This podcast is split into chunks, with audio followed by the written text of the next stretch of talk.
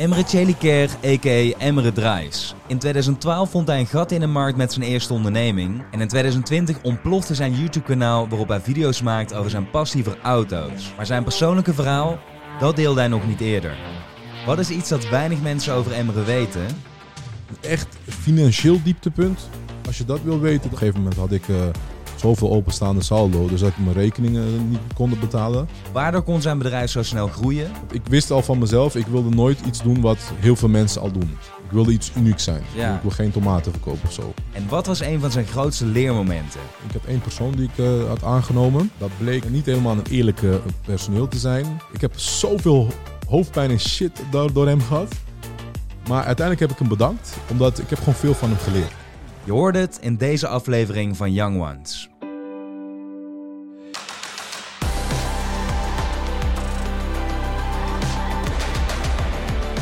Emre, van harte welkom bij Young Ones. Ja, dankjewel. Jij ook bedankt voor het uitnodigen. Ja, je bent er. Ja.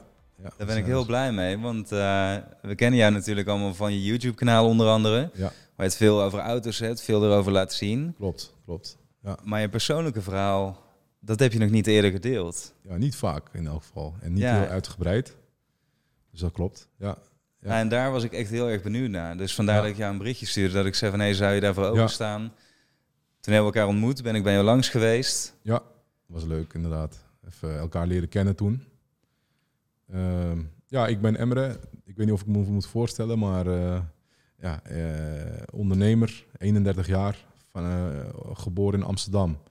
En ik woon er nog steeds met, eh, met veel plezier. Ja, Ehm, bijna mijn hele leven altijd al ondernemer geweest. Ehm, nooit eh, echt hoog geschoold, hoog opgeleid geweest. Ehm, en eh, ja, ja, ik weet eigenlijk niet waar ik moet beginnen. Zoveel te Nee, vertellen. Eh, ik kan je daarmee helpen. Want Ja, waar ik heel erg benieuwd naar ben... ehm, ik heb toen ook een, een stukje van je buurt gezien... waar je bent opgegroeid en Ja. dergelijke. Hoe herinner jij je die tijd? Hoe, hoe ben je opgegroeid? Nou ja, ik ben. eh, we waren in Amsterdam West hè, toen je bij ons kwam. Maar ik ben eigenlijk eh, geboren in Amsterdam Noord. Dat is toch een verschil dan Amsterdam West. En, en ook weer een verschil bijvoorbeeld dan Amsterdam Oost. Ja, dat, dat is een beetje de verdeling, zeg maar. Eh, ehm, en ja, nou goed, daar ben ik dus geboren en, en, en, opgegroeid tot, eh, tot mijn twintigste. En na mijn twintigste ben ik eh, in eh, Amsterdam West gaan wonen. Ik ben nu 31, dus ik woon er nu ook 11 jaar. En daar werk ik ook dan, zeg maar. ja. Ik woon en ik werk in, in West.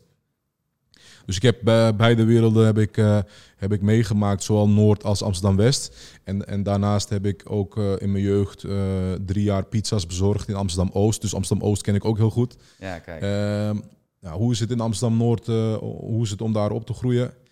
Ehm, ik denk, ik denk, dat denk ik, dat het voor mijn gevoel pakte het goed uit. Eh, ik had goede vrienden, dat is heel belangrijk. eh, als je, hè, vooral als je in de opgroeifase zit, dat je niet, eh, in het, dat je niet op het verkeerde pad belandt. ja. Ehm, dat was een risico? Dat, dat, merk is zeker een risico. of- Dat, dat verschil zag ik ook later. Ik bedoel, als je in, eh, in Amsterdam-Oost opgroeit, dan heb je om, toen had je om de 800 meter bijvoorbeeld een koffieshop. Eh, en in Amsterdam-Noord, in heel Noord, en Noord is heel groot, eh, heb je bijvoorbeeld maar twee coffeeshops. En ja, ik kwam pas op mijn 16e erachter dat ik, wat, wat een koffieshop was. Ja, ja. Weet je wel? Ik dacht koffieshop, ja, daar verkopen ze koffie. Weet je, dat weet je niet. Dus, eh, ja, dus wat dat betreft, ehm, eh, de kans dat het sneller fout kan gaan in, in Oost of in West, was zeg maar dat, dat is wat ik achteraf eh, denk ik nu kan uitsluiten. Is dat Noord wat dat betreft wel een, een, een fijne plek voor mij was om, om op te groeien. Ik heb ook nog nooit gebloot, gerookt. ehm, terwijl ik echt een Amsterdammer ben. Ja, nog nooit, nog nooit Ja. ja. weet je. Dus dat, dat, mede, dat komt ook mede dankzij door, door, door eh, eh, goede vrienden. Alhoewel die vrienden waar ik het over heb, zeg maar, die komen ook uit Oost. Die kwamen ook uit Oost. En een gedeelte uit West. Dan zou je denken, ja, maar dan kunnen hun toch ook snel. Ja, maar goed, het waren gelukkig goede vrienden die eh, bijvoorbeeld, ja, die, die ook niet op het verkeerde pad waren. En zo hebben we eigenlijk elkaar steeds op het juiste pad gehouden ook. Ja, precies. dat- dus jullie waren er ja. voor elkaar en jullie zagen van... hé, hey, Ja. dit is een, eh, een goed pad om te bewandelen... en daar kunnen we beter van wegblijven. Ja, en het moet natuurlijk vanuit jezelf komen. Dus ik was nooit geïnteresseerd. Ik had die interesse nooit om eh, verkeerde dingen te doen. Maar het helpt zeker als je, als je vrienden daarin ook eh, zeg maar, juist begeleiden. Zeg Ja. maar. ja, dat helpt zeker. Dus dat, dat is een externe factor, maar een interne factor is dat je zelf ook eh, dat je het gewoon niet moet willen, zeg maar. En ik, ik, ik vond het nooit interessant, zeg maar. Ja, Het slechte pad. En dat mag je zelf invullen wat dat dan is. Maar in mijn, in mijn wereld is het slechte pad dus ja, blowen en eh, roken en stelen en eh, verkeerde dingen doen, dat soort dingen. Ja. ja. En als je dan kijkt, want je hebt het nu over je vrienden naar je thuissituatie. Wat, wat voor gezin ben je opgegroeid? Hoe, eh, hoe, ging dat er daar aan toe? Ja, Ehm, ik kom uit een Turks gezin. Ik ben zelf ook een Turkse Nederlander, of een Nederlands-Turk, hoe je het wil noemen. Eh, mijn ouders zijn, eh, mijn moeder en vader zijn eind jaren tachtig naar Nederland gekomen. Eh, naar Amsterdam, meteen. Daar ben ik wel heel blij mee overigens. Want ja, die keuze heb ik niet gemaakt. Ja, Daar ben ik echt heel blij mee. Zonder dat ik überhaupt weet hoe het is om in een andere stad op te groeien, voelt, voelt het gewoon goed of zo. ja. Tenminste, zo, zo blijkt.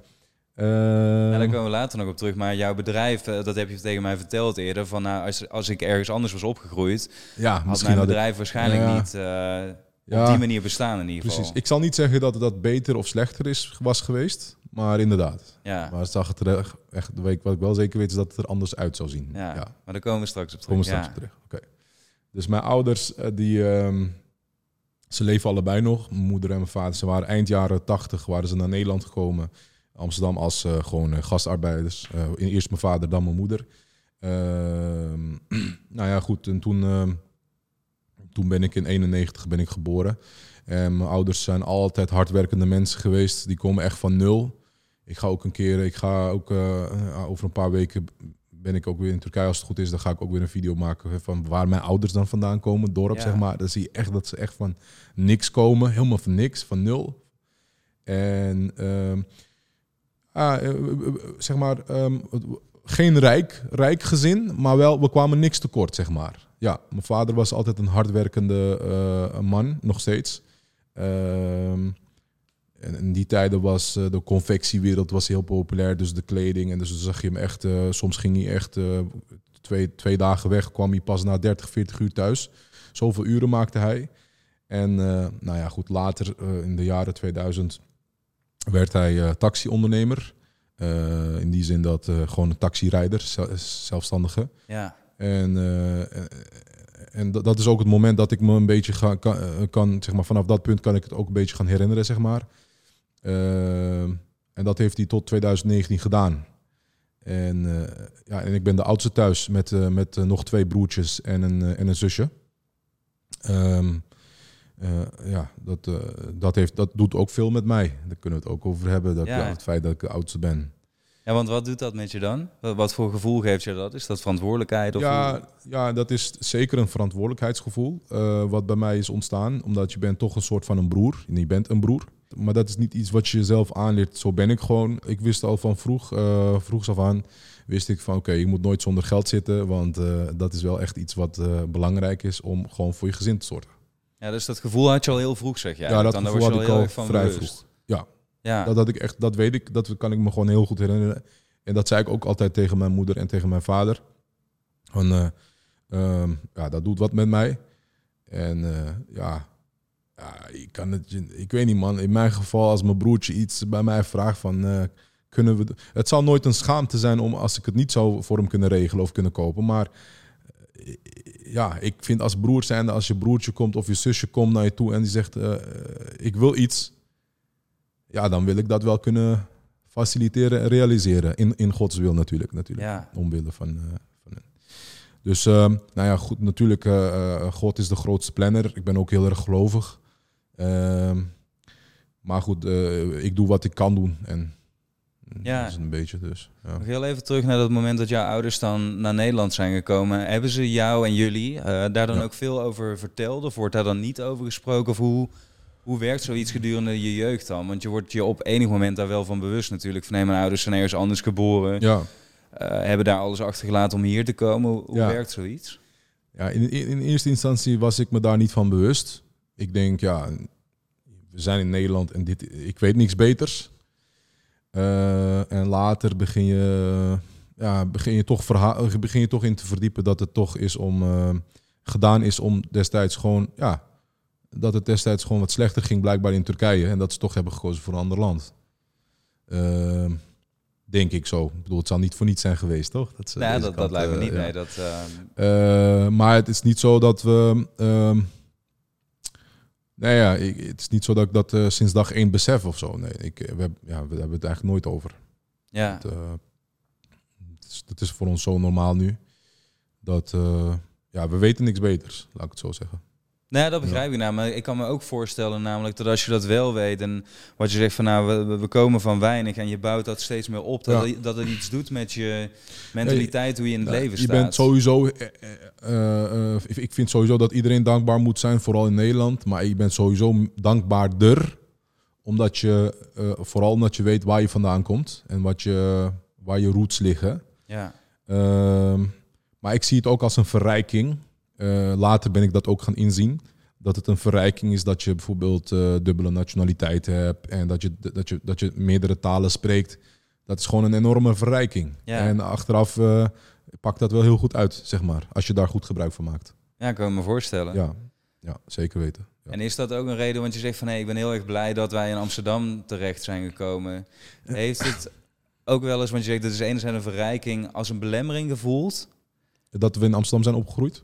Nee, ja, dat je dus die dubbele nationaliteit hebt. Omdat je naar Nederland komt en dan toch anders bent dan mensen die hier al 100 jaar wonen bijvoorbeeld. Oh, of is dat je, omdat ja. je zegt van ja, maar Amsterdam is al altijd in die Ja, dat bedoel, je, dat bedoel je. Je bedoelt in de zin van ben je ooit gediscrimineerd of is het ooit een belemmering Nou, geweest? of heb je je ooit op die manier inderdaad de, gevoeld? gevoeld? Ja. Dat, dat je zegt van ja, dat... Eerlijk gezegd eh, eh, heb ik dat, eh, laat ik zo zeggen, nu kan ik daar veel meer over inzien en relativeren.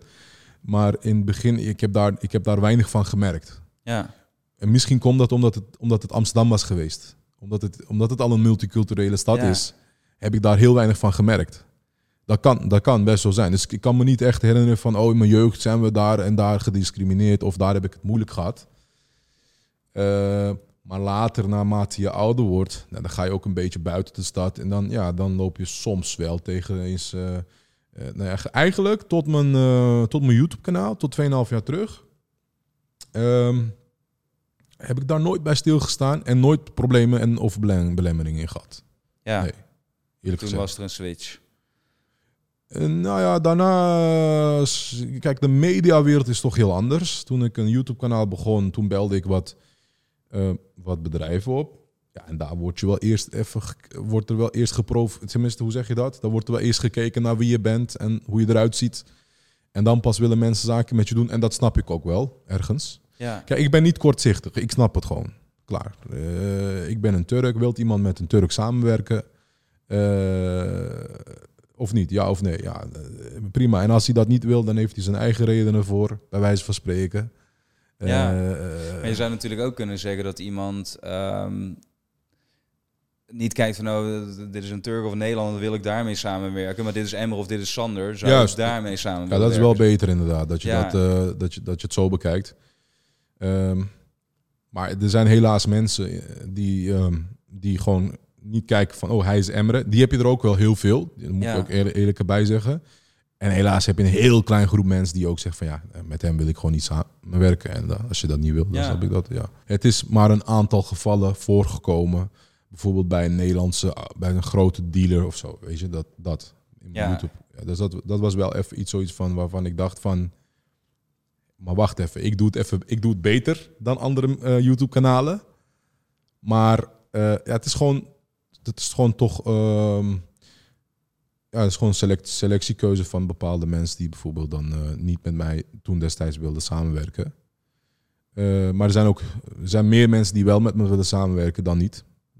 Als Ja. het gaat om YouTube. En ik zie YouTube nooit als werk. Het is, eh, we noemen het wel werk, maar het, het- ik zie het niet als werk. Ik zie het als hobby. Daar Ja. kunnen we het straks nog over hebben. Nou, zeker, want dat, dat komt later in jouw eh, Ja. verhaal natuurlijk. De reden dat ik het inderdaad heel even wilde vragen is omdat je zei van hey, heel bewust van ik ben heel erg blij dat we in Amsterdam zijn opgegroeid. Oh ja, daar waren we. Ja. En eh, als ik met mensen praat met een andere nationaliteit of ouders met een andere nationaliteit en die zijn bijvoorbeeld in een dorp opgegroeid of in een dorpsomgeving, Ja. ja. dan kan ik durf ik bijna wel te zeggen dat 100% zegt van wij werden daar anders behandeld, dat was moeilijk, dat heeft heel veel eh, gedaan. Ik denk, ja. En daarom vond ik dit een interessant verschil. Dat ik van, nou, in Amsterdam eigenlijk, in ieder geval de plek waar jij bent opgegroeid, Ja, heb ik dat in ieder geval minder gemerkt. Dus en dat is, kan ik me voorstellen, wel een prettig verschil. ja. ja. Ik zelf heb het minder gemerkt, maar ik denk dat mijn ouders het wel hebben gemerkt. Ja, Omdat ze één, de taal gewoon niet goed beheersten. En dat is ook, dat is ook logisch ergens. Eh, je kan niet verwachten dat ze in één keer goed Nederlands spreken. Vooral na een bepaalde leeftijd. Dat is gewoon lastig. Eh, dus ik denk dat ze daar wel problemen mee hebben gehad, ergens vast. Maar ehm, in, in hoeverre dat is, of, of, of dat, dat, daar hebben wij nooit mee gekregen. nee, zeg maar. precies. Ja. En dat laat ik ook graag links liggen. Ja, dat. Positiviteit. Ja, positiviteit. Ja, En dat zie je ook, dat, want zo ken ik je ook. ja dankjewel. Ja. Hey, en als je dan gaat kijken naar je schoolperiode, hè, want je zei er straks, eh, denk ik ook bewust, nou, laag geschoold, zo noem jij het. Ja, ik ben, geen, ik ben niet universitair eh opgeleid. Ja, nou, da- daar hebben we hier binnen Young Ones ook wel een andere visie over. Want wat je zegt, vaak worden opleidingsniveau toch altijd een soort van trappetjes gezien. Ja. Het- ene is hoger of lager dan het ander. Ja, Ehm, terwijl wij het liever zouden zien of herdefiniëren als... Je hebt gewoon verschillende soorten smaken, die staan naast elkaar. juist. En wat beter bij jou past, dat ja, is het plaats van wat die trappen. Ja, inderdaad. Maar Ja, ik ben wel mooi, benieuwd van hoe... ehm, heb je die schoolperiode ervaren? Was jij iemand die een beetje kon floreren op school? Vond je dat leuk? Of was je blij Ja. dat je zo snel mogelijk vandaan kon en iets anders kon gaan doen? Ja, nou ja, als je de jeugd vraagt, niemand vindt school leuk natuurlijk, eh, denk ik. Maar ik vond school wel leuk en eh, ik, heb, eh, ik heb ook nooit moeite gehad met school. Ik heb heel veel geleerd op school die ik eh, heel vaak heb toegepast binnen mijn bedrijf. En dat was levensreddend, want anders moest ik daarvoor mensen inhuren. Eh, maar omdat ik sommige dingen zelf kon en zelf doe, eh, dat, dat heeft me heel veel dingen opgeleverd ook. Ja. Sterker nog, ik geef een vak nu als, want ik ben opleider, volgens mij hadden we dat nog niet gezegd, toch? Nou ja, ja, daar zijn we naartoe aan het werken. Maar Juist. je kunt al wel een kleine... Ja, we kunnen een kleine. nee, Ik ben opleider en ik geef bijvoorbeeld, we geven meerdere vakken, we ge- we geven meerdere soorten lessen. En een van de modules die we geven, dat, dat heb ik destijds op school geleerd.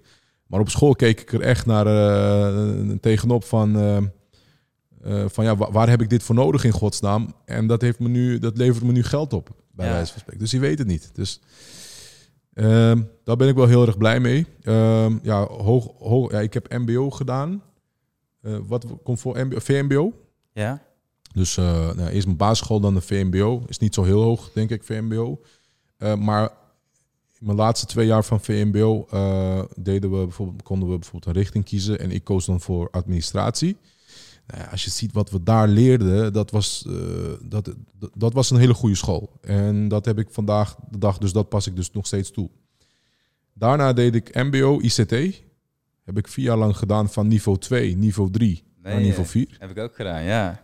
ICT, ja, dus dan begin je ergens bij eh, eh, assistentbeheerder en dan word je uiteindelijk netwerkbeheerder. Ja, Of ja. je kon kiezen applicatieontwikkelaar of netwerk. Nou, ik koos voor netwerkbeheerder.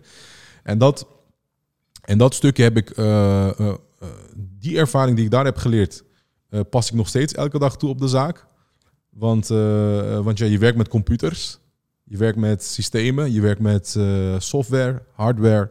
En als iets niet werkt, ja, je kan niet om, om de minuut iemand bellen. en dus het is fijn als je het zelf kan. Dus die ervaring heb ik zeg maar vanuit, of bijvoorbeeld websites maken vandaag de dag heel erg belangrijk. En hoe, hoe werkt zoiets dan, het systeem erachter? Webshops, noem het maar op. ja, ja, Dus ja. dat heeft allemaal met ICT te maken, dus dat vond ik altijd heel erg leuk. En, eh, en die ervaring, dat, heeft, eh, dat heb ik ook verzilverd, zeg maar, binnen mijn eh, ondernemingen. Dus dat, dat was ook een verrijking. En na MBO, de laatste jaar, kon ik kiezen om naar het HBO te gaan. Toen heb ik me nog eens ingeschreven op de, de Hogeschool van Amsterdam. Zo heet dat volgens mij toch? Ja, HVA. Ja. Ja. Maar daar ben ik meteen van afgezien, omdat, ehm, eh, nou ja, de, vooral het laatste jaar van, eh, van, mijn van mijn MBO hadden we een afstudeeropdracht. En toen weet ik nog heel goed, toen zei mijn docent, ehm, want ik kreeg een opdracht niet af, dus ik ging naar hem toe. Ik zeg, ik vroeg hem om hulp. Ik zeg, hoe krijg ik dit goed? Dat was een ICT-opdracht. Hij zei, ja, je moet denken als ondernemer. Maar ik was al ondernemer, want ik was 18. 18 is een belangrijke leeftijd voor mij geweest. ja. En in, op mijn 18e was ik al ondernemer. Dus toen zei ik tegen die docent van, ja, maar ik ben al ondernemer. Kijk maar, mijn kamer van koophandel, uitreksel, alles en mijn boeken. Hij zegt, ja, meen je dat nou? Ik zeg, ja, kijk, dit is mijn boekhouding en zo.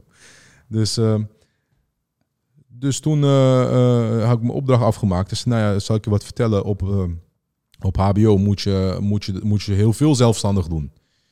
Maar wat ik zeg, op mijn achttiende was zo'n belangrijk leeftijd voor mij dat ik al mijn bedrijf had. En ik Ja. zeg van ja, ga ik nog vier jaar door of eh, ga ik nu gewoon de afslag nemen en ik ga, ik ga er gewoon voor. En je. wat deed je toen dan? Wat, wat was je onderneming op dat moment? Ja, ja ik, eh, ik had op mijn eind achttiende had ik een rijschool. Ja. Nee je? Ja, ik eh, zeg maar, toen ik, toen ik op mijn achttiende verjaardag had ik mijn, mijn, mijn autotheorie gehaald. Ja. Dus toen ik jarig was. En een maand daarna, want dat kon toen, kon je heel snel je rijbewijs halen. Gelijk afrijden, dus had je je rijbewijs. Nou ja, rijden konden we al, om het zo te zeggen. Eh, dus dat was, eh nou, gewoon mijn rijbewijs gehad. En ik, had, eh, ik kom uit een heel ondernemende familie. Ja. Dus ondernemen was nooit nieuw voor mij. eh, dus het was al bekend. Sterker nog, we, werken in loondienst was voor ons altijd heel nieuw en raar. Ja. Eh, althans onbekend, laat ik het zo wat, zeggen. wat deden mensen allemaal bij jou in de familie dan? Voor, voor soorten onderneming? Of... Ja, nee, de ene had een garage en de andere had een horecabedrijf. En Ja. de andere was taxichauffeur en de andere had weer een leverancier. We waren allemaal ondernemers, maar ik dacht dat het altijd de norm was, zeg maar. Dat het Ja, normaal was, dat iedereen zijn, zijn zaakje had. En in Amsterdam is dat veel gebruikelijker, denk ik, dan in, in kleinere steden. Want wat ik ook wel eens eh, spreek, mensen vanuit mijn... eh, een beetje die dezelfde achtergrond, dezelfde leeftijd als die van mij hebben. En, en dan hun ouders daarvan. Wat je ziet bijvoorbeeld in het oosten van het land werken ze toch ehm, door in een fabriek. Of dat is dan normaal daar, weet je. ja, ja. En In mijn omgeving vroeger bijvoorbeeld niemand ondernam. In ieder geval Ja. niet bewust bijvoorbeeld oomstanders in de familie. Eh, Ja. Helemaal niemand. Waardoor je dat inderdaad wel een stuk minder meekrijgt wat daar dan allemaal bij komt kijken of zo. ja, nou ja inderdaad. En, en, en, in Amsterdam heb je dan dus, in een Rotterdam, grote steden, heb je dus sneller de kans en de mogelijkheid om kleine zaakjes te beginnen. Ja, Waardoor je heel gauw ondernemer bent. En in, een gro- of in kleinere steden is die kans wat lager. En is ook wat moeilijker, logisch ook. Als je daar, ehm, als je daar misschien een verkeerde zaak begint en je, je valt om, ja, dan kun je beter gaan voor zekerheid. En ik denk dat mensen dat ook doen in, in kleinere steden. Dat ze gewoon voor zekerheid kiezen. Eh, Maar goed, Amsterdam is een grote stad en Rotterdam ook. Ik bedoel, van, er zit gewoon veel meer potentie. Ben jij de founder of marketingdirecteur van een merk dat positieve impact maakt? En willen jullie groeien, maar lukt het niet of minder goed om meer en betere leads binnen te halen via socials? Met Youngmans Media helpen we merken zoals jullie om meer en betere leads binnen te halen door middel van video content marketing.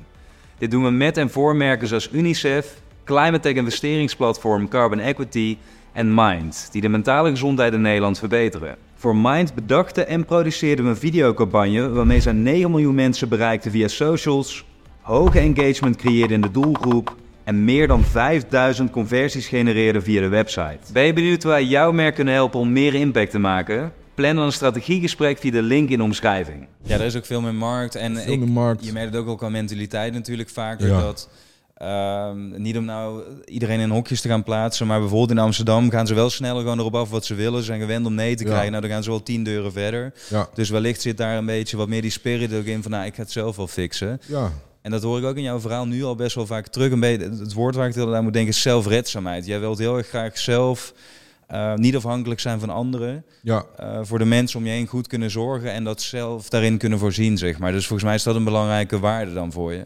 Ja, een, vriend, een goede vriend van me zei laatst tegen mij van... Emre, je bent eigenlijk gewoon een controlefreak. Jij wilt, eh, jij wilt gewoon eh, heel veel controle over, eh, over de meeste zaken omtrent jou. Ja, En zo had ik het nooit bekeken. En nou ja, volgens mij is dat ook wel zo, denk ik. Maar Amsterdam heeft ook nadelen. Dat moet ik er ook wel bij zeggen. Zoals ja, vastgoed is heel duur.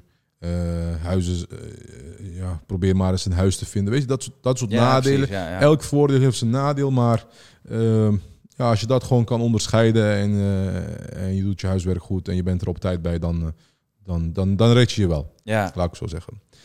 maar je bent dan 18. Je hebt eh, Ja, meteen wel. op je 18e verjaardag je theorie gehaald. Vervolgens binnen een maand je rijbewijs. Want Ja. daar moest ik net lachen. Omdat zei, ik, heb, ik had op mijn 18 een rijschool. Ja. Toen had ik, kan dat überhaupt? Maar Ja, dus het blijkbaar wel. Ja, veel mensen weten dat niet, maar dat kan. Of het nog steeds kan, weet ik. Ja, kan nog steeds. Volgens mij moet ja. ja. Maar net zoals hoe ik veel mensen in mijn familie had die ondernemer waren of zijn, had ik ook eh, twee mensen in mijn, eh, in mijn eh, familie, directe omgeving, die rijschoolhouders waren, rijinstructeurs waren. Kijk, je bent rijinstructeur, dan ben je ook meteen, tenminste heel snel al gauw rijschoolhouder. als je niet voor, voor een rijschool werkt, maar je, je koopt je eigen auto en je Ja. gaat lessen, dan ben je al heel gauw ZZ of ondernemer. Weet je, dus je bent heel gauw ondernemer. En die had ik dus. En ik denk, ja, autorijden vind ik geweldig. Ehm, en ik denk dat ik het ook heel goed kan. Ik zal niet zeggen dat ik goed autorij. Want voor hetzelfde geld crash ik straks. Eh, maar ik denk dat ik heel goed kan autorijden, dacht ik toen. Wat helemaal niet zo was misschien. Maar dus ik begon mijn... ehm, dus ik denk, ja, ik zou het wel leuk vinden om mensen dit, eh, dit te leren. Ja. En misschien wel beter of op een andere manier dan de meeste rijscholen die dat, die dat dan doen. Ehm, dus toen ging ik me verdiepen van ja, wat kost zo'n opleiding? Waar doe je dat? Hoe werkt dat? Dus en omdat ik natuurlijk iemand in de familie had, die kon me daar heel goed in de weg wijzen, zeg maar. ja. En ehm, Dus eigenlijk zeg je van, hey, ik had een duidelijk doel van wat ik wilde. Ik maakte een plan, want ik ging zelf dingen uitzoeken. Maar ook belangrijk, ik zocht iemand die al ja, dat pad een keer had bewandeld, die me ook de stappen kon uitleggen. juist. Ja, dus eh, op de juiste moment de juiste mensen kennen. En dankzij ook eh, de, de grootste planner hierboven natuurlijk. Dat is een onzichtbare kracht. Ehm, maar nou, zo'n zo'n was eh, toen eh 4.500 euro. En dat geld had ik helemaal niet. Oftewel, nou ja, ik had het wel, maar ik, ik, ik, ik, zat niet te wachten om 4.500 euro in één keer uit, uit te geven. Dus ik startte zo'n opleiding, die konden die per maand betalen 400 euro per maand. In 12 termijnen is 4800 euro met, eh, met de bijkomende kosten. Ja. Dat had ik gedaan. En, eh, en ik was al sneller klaar dan ik dacht. Ik was eh, in, in, in 7, 8 maanden was ik klaar. En, dus ik was rijschoolhouder. En ik zat nog steeds op mbo niveau 4, want ik deed zo'n zaterdagopleiding. En ik kwam in de klas bij mij. Ik zei, ja, wie van jullie heeft geen rijbewijs? Nou, de hele klas stak zijn vinger op. Ik had al heel veel klanten in één. Ze Ja. betaalden allemaal, allemaal nooit, maar dat is, dat is iets wat je dan leert. Waar je dan achter komt, helaas, op een pijnlijke manier. Maar ja, zo, dat zat wel even mee. ja. En daarvoor... Dus je eerste klanten die haalden gewoon rechtstreeks bij jou uit de klas zelf. Ja, ja, echt. Ja, ik- het was bizar. Ik kwam eh 20 mensen in mijn klas of zo en 18 hadden geen rijbewijs. Ja. En iedereen wilde zijn rijbewijs halen. Ja. ja. Ja, dan heb je heel snel klanten natuurlijk. Dus je moet wel echt, eh, ik, ik vind zeg maar, je moet echt gebruik maken van, eh, je, van ja, elke tijd moet je benutten. En elke leeftijd heeft zo zijn voordelen en die moet je pakken. Toen ik 16 was, was ik pizzacourier. eh, omdat ik eh, dat, vond, dat, eh, dat, dat kon je doen na je school. Dus van 5 uur in de middag begon je tot eh 11 uur in de avond. Dus ik werkte zeven dagen in de week in zo'n pizzarestaurant. Kreeg 25 euro. En, en ik maakte ook gemiddeld 25 beze- bestellingen op een dag. Dat is ongeveer. Toen gaven ze heel veel fooi. Ik hoor nu uit de, van, van de jeugd dat er niet zoveel fooi wordt gegeven. ja. Maar toen werd er veel fooi gegeven. Nou ja, had je 20 tot 25 euro fooi op een dag. Dus had ik 50 euro. Wat heel veel geld was 15 jaar geleden. Zeker, ja.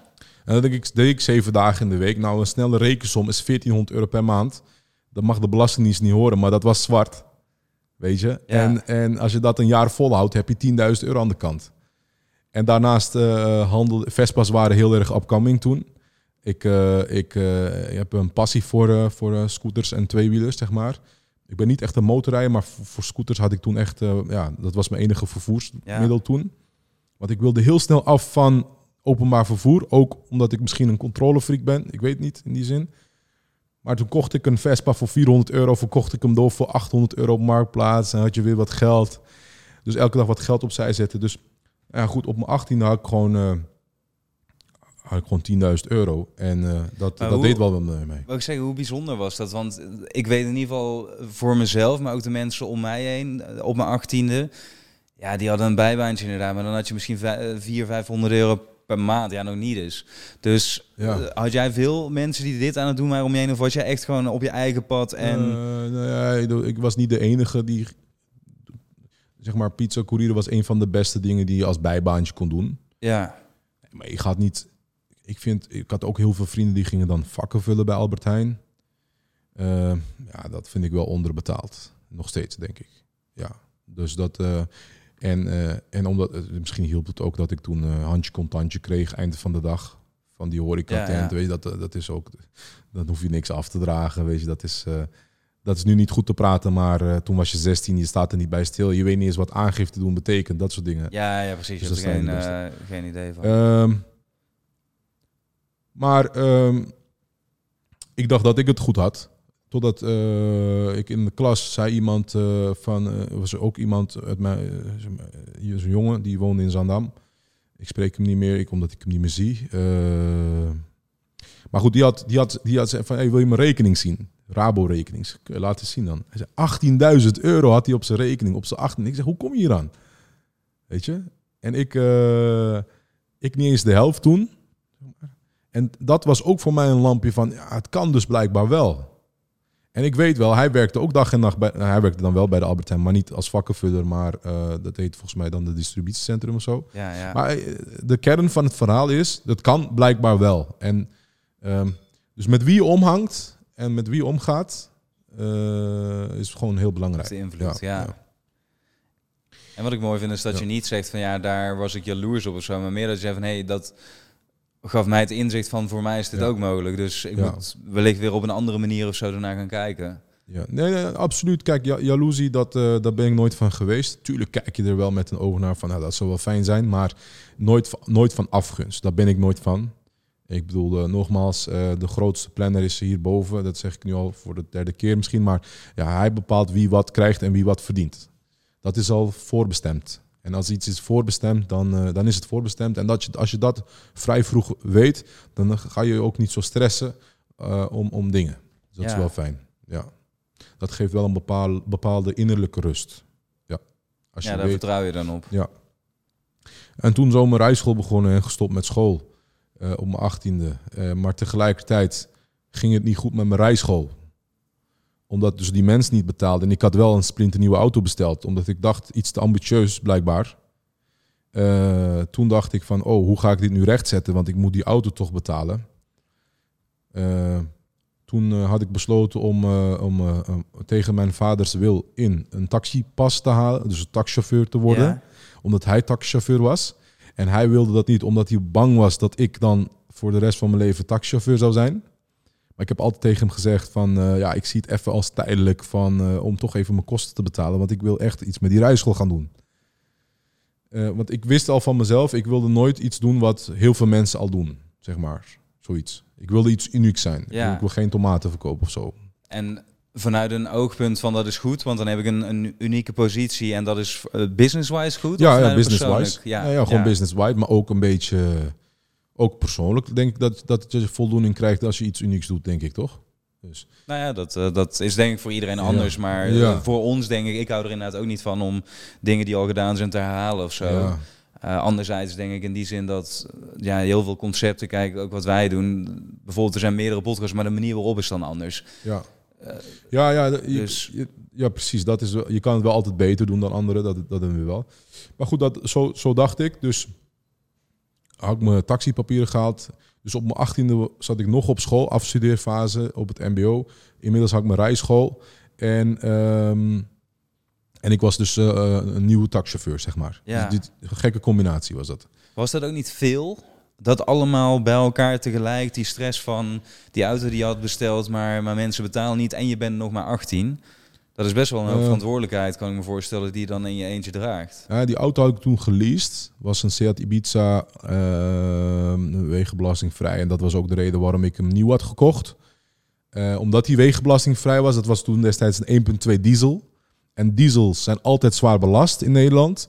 Maar dat was toen wegenbelastingvrij.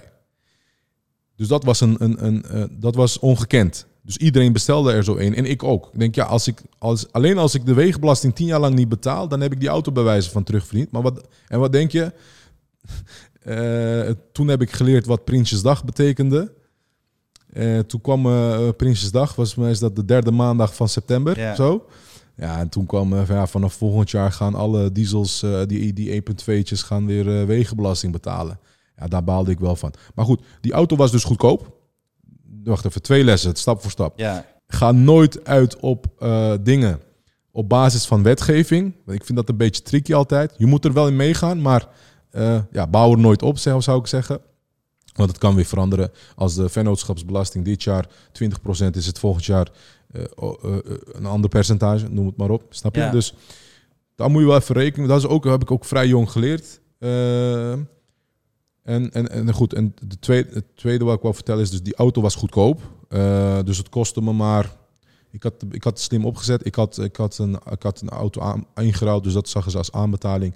Dus ik betaalde maar 400 euro per maand of zo. Dus dat, ik had mijn risico's vrij laag. Ja. Dus wat dat, Maar dus antwoord op. Maar dat is financieel inderdaad. Ja. En waar ik eigenlijk op doel is, ehm, wat ik zei, die dingen die je allemaal combineerde met elkaar als 18-jarige, de verantwoordelijkheid die je op dat moment al droeg, dat is behoorlijk veel, toch?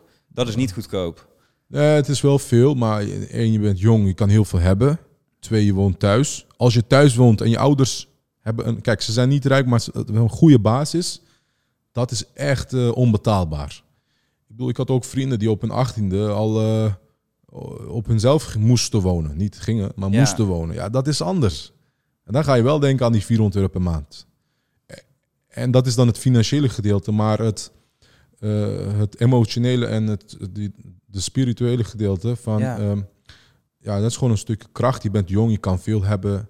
Ehm, dus ik denk dat dat me heeft gered. Ja, dus Dat jij was, jong niet, was. jij was niet een jongen met heel veel zorgen en die eh, met twijfel naar de toekomst keek, maar juist met heel veel vertrouwen Ja. en eh, gewoon er tegenaan. Ja. Ja, ja. ja. want ik, ik, ik heb, ik heb een, een soortzelfde vriend die een soortgelijke weg be- bewandelt als wat ik bewandel. En die, eh, die beoordeelt zichzelf steeds van ja, waarom, eh, zeg maar, eh, ik zal niet zeggen dat het bij mij allemaal lukt, maar hij be- beoordeelt zo van waarom laat jij het wel lukken en ik niet.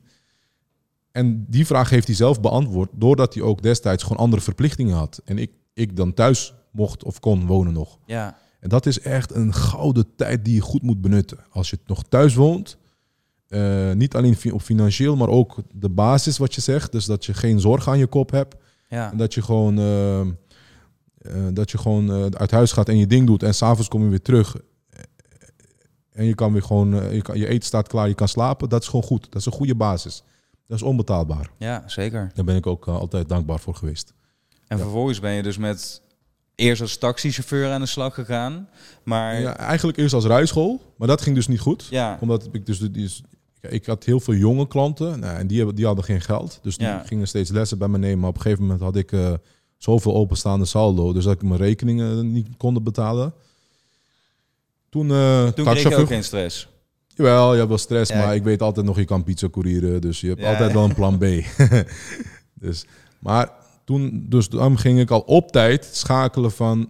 Ik word taxichauffeur, dan ga ik daar in ieder geval mijn lasten... Want die klanten staan wel klaar. Dat zijn gewoon toeristen in Amsterdam. Ja, dan ga ik daarmee mijn kosten eh, zeg maar dekken. En dan ga ik mijn rijschool laten groeien. Dus als ik dat twee dagen in de week doe, eh, gaat het zo verder. Maar eh, om het even samen te vatten, ehm, dat ging goed. En, en daar, dat was ook een beetje een doorbraakmoment geweest in mijn ondernemings zeg maar, leven. Van, ik reed taxi twee dagen in de week en vier dagen in de week, of drie dagen in de week werkte ik er als rijschoolhouder. Dacht ik, ja, waarom combineer ik dit, dit niet samen? Geef ik taxiles, zeg maar. En zo is het idee taxiopleiding eh, ontstaan. ja, En dat, toen ging ik me dus in verdiepen. En je had er heel weinig van in, in, in Amsterdam, maar ook in heel Nederland. Omdat het gewoon niet... Het is gewoon een... Zeg maar, de markt is heel klein. Dus eh, Nederland heeft niet 100 taxiopleiders nodig of zo. Weet je. Dus, maar Amsterdam had ook maar heel weinig opleiders. En om ertussen te komen had je een bepaalde vergunning nodig. Ja, En die kon je niet zomaar krijgen toen. En dat zeg ik, de juiste mensen op de juiste eh, tijd leren kennen is heel belangrijk. Eh, en dat kan je deels zelf doen, maar een deels wordt dat bepaald door hierboven. En op dat moment had ik toevallig iemand leren kennen die dat werk deed en die zou emigreren en zijn vergunning wilde verkopen aan mij. Dus ja, hoe mooi wil je het hebben? En dan pak je, en dat is een kans die je hebt, die pak je dan met beide handen. En dat zijn, eh, ik geloof erin dat elk mens in, in, in zijn leven wel een paar kansen krijgt in zijn leven. En die moet je wel echt pakken. ja man. Die pakte ik ook. En eh, ik ben ook gewoon eh, eh, 18, 19, 20. Ik ben heel weinig zomers op vakantie geweest. Eh, daar heb ik gewoon overgeslagen omdat ik, ik wilde alles goed benutten. Achteraf gezien had ik dat wel vaker moeten doen. Ja, Op vakantie gaan. Maar het heeft ook veel op, opgeleverd nu. Het Ja. werkt wel zijn zijn vrucht- vruchten af, gelukkig. Nou, en we zeiden in het begin van het gesprek, want daar pak ik soms dan even op terug. Toen zei ik nog van, hé, hey, dit is even een belangrijk moment wat je zei over Amsterdam later voor jouw bedrijf. Ja. Omdat je in Amsterdam relatief de meeste taxichauffeurs hebt, toch? Dus als je dan gaat Ja. kijken naar de grootte van je markt, Ja. dan zit je wel echt op de juiste plek. ja, dus in mijn geval was Amsterdam voor mij gewoon goed. Ja, Ja, omdat het gewoon die kansen, die heb ik gewoon denk ik, benut. En dus eigenlijk vanuit een noodzaak, want je normale rijschoolleerlingen betaalden niet. Daardoor ging je zoeken van oké, wat dan wel? Ja, Werd je eerst zelf taxichauffeur en toen zag je eigenlijk bijna een soort het gat in de markt of... inderdaad, uit noodzaak gebeuren sommige dingen in het leven. Eh, ja, en dat, dat geeft je een bepaalde richting Ja. en structuur. En toen is eh Taxi Academie ontstaan, wat ik nu is nu al eh, eh, 12 jaar, ja, sinds 2011, 2010, 2011, sinds 2011 doe. Ja, Eh, ik heb relatief kort taxi gereden, nog geen jaartje. Dus om, om eind 19e, 20 straks zat ik al voor de klas een taxigroep les te geven. Ik ben nu 31, ja, 12 jaar. ja, Ja. wat bijzonder man. En in de laatste, eh, laatste vijf jaar, eh, ook daar weer zag ik, in 2017 zag ik de aanmeldingen echt flink achteruit gaan. Niemand wilde meer taxichauffeur worden, of heel weinig mensen wilden weer taxichauffeur worden. Toen dacht ik van ja, ook daar weer uit noodzaak eh, ben ik gaan kijken, ja, maar wat zijn dan de mogelijkheden wat we kunnen doen? Nou, ik zit in beroepsopleiding, het is een vak, taxi. En daarna zijn we, ehm, ben ik dus gaan eh, uitbreiden naar eh, transportopleidingen, waar ik nu heel veel ehm, mee bezig ben. Ehm, dat, heet dan, dat hebben we dan een ander bedrijf, naam, dat hebben we dan anders genoemd, omdat Taxi Academie, dat was een beperkte naam voor taxiopleidingen. Ja, Dat heet dan Beroepsvervoer Academie. Eh, sinds kort eh, slash Transportacademie.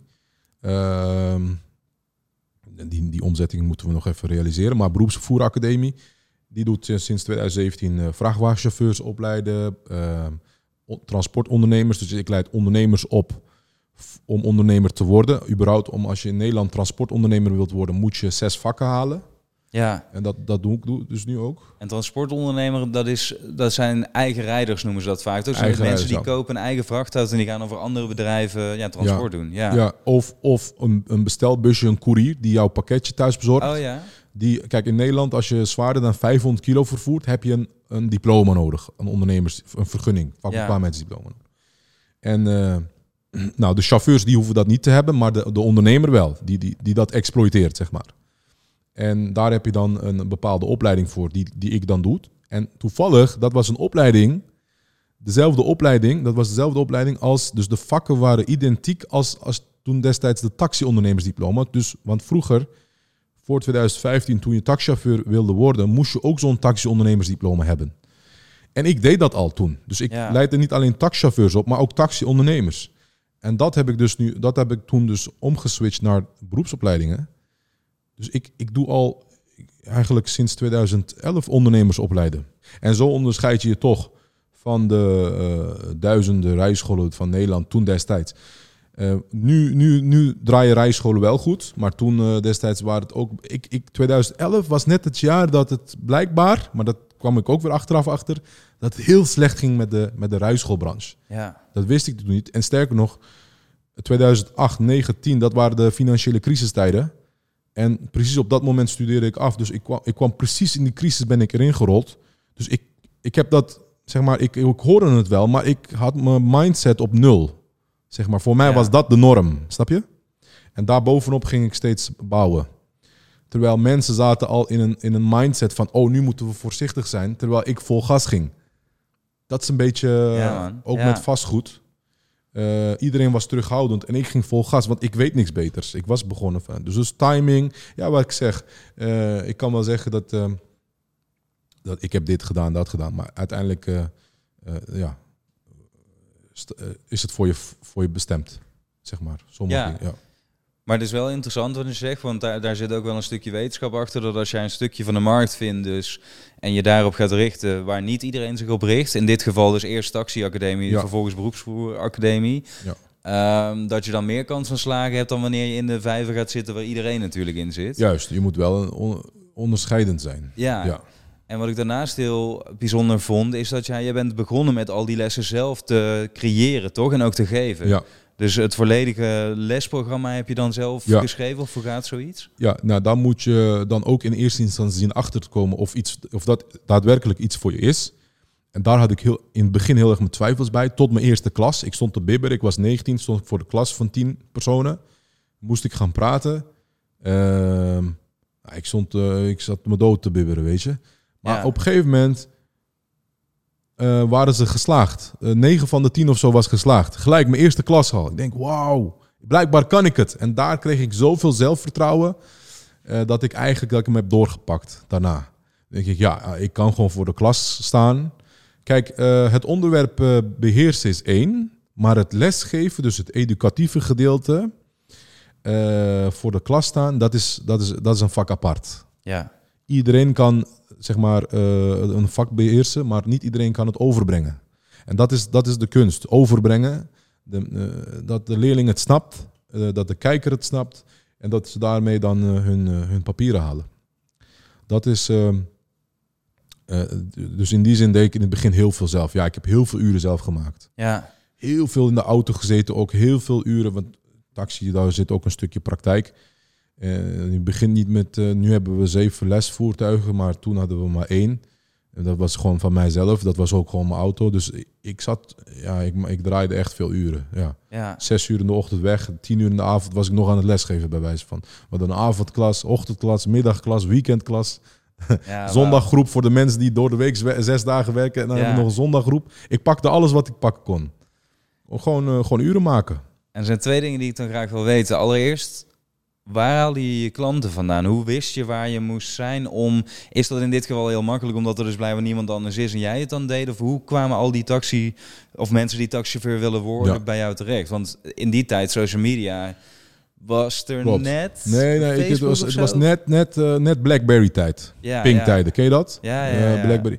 Ja, dus we gingen van Nokia naar Blackberry, maar de oude generatie had nog, no- nog Nokia. Dus je had geen eh, app of iets. Dus, eh, en later werd het iPhone en dat soort dingen. Ja, ja. Hoe adverteerden wij? Nou ja, in eerste instantie dus via BlackBerry Ping onder de jongeren kon je, kon je berichten sturen. Dat was de WhatsApp van toen. En ja. later via WhatsApp. Maar eh, toen ik met die taxiopleiding... Ja, in eerste instantie bel je gewoon echt je eigen netwerk op. Je vrienden, mensen die... Mensen die, die, die je hebt een product, een bepaald Ja. product. Je denkt, dit kost het en dit kan het je opleveren. Als je, dit kan je ermee. En eh, nou ja, ik zeg eerlijk, directe vrienden die eh, hadden geen interesse in. Ja, neem ik ze ook niet kwalijk. Maar eh, mensen van wie ik niet had zeg maar, verwacht eh, dat ze bij mij zouden komen. Eh, of hoe zeg je dat? Ja, mensen van wie ik had verwacht dat ze zouden komen, zijn niet gekomen. En van wie ik niet had verwacht, zijn wel gekomen. ja.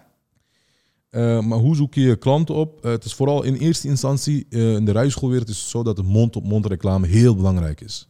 Dat is, dat, dat is, dat is zo belangrijk in Amsterdam. Het was zo, sowieso een beperkte markt. Dus als, dat, als ze dat doorvertellen dan, en als ze blij met je zijn, dan krijg je vanzelf klanten. Ja. Ik werk op zo'n manier, dat wil ik wel even vertellen. Dat had ik laatst gelezen. Als je timmerman bent en je maakt een tafel. En eh, dan kun je zeggen, nou, de onderkant van de tafel, die ziet niemand. Dus die produceer ik maar eh, met lage kwaliteit, bij wijze van spreken. Die wordt ook wel verkocht, dat is ook wel zo. Maar ik ben meer een timmerman die zegt van de onderkant van de tafel, die moet gewoon goed zijn, perfect zijn. Ook al ziet de eindgebruiker het niet, die moet gewoon goed zijn. Dat geeft voldoening voor mezelf en innerlijke rust. En eh, daar haal ik mijn, mijn, mijn kracht en passie uit. Ehm, dus in, in, in die zin, zo ga ik altijd te werk. Jij ook met je podcast. Ik zie het gewoon, je bezuinigt op niks en je doet gewoon alles goed. En eh, eh, uiteindelijk levert dat echt heel veel op. Met andere woorden, eerlijkheid duurt het langst. ja. Ja.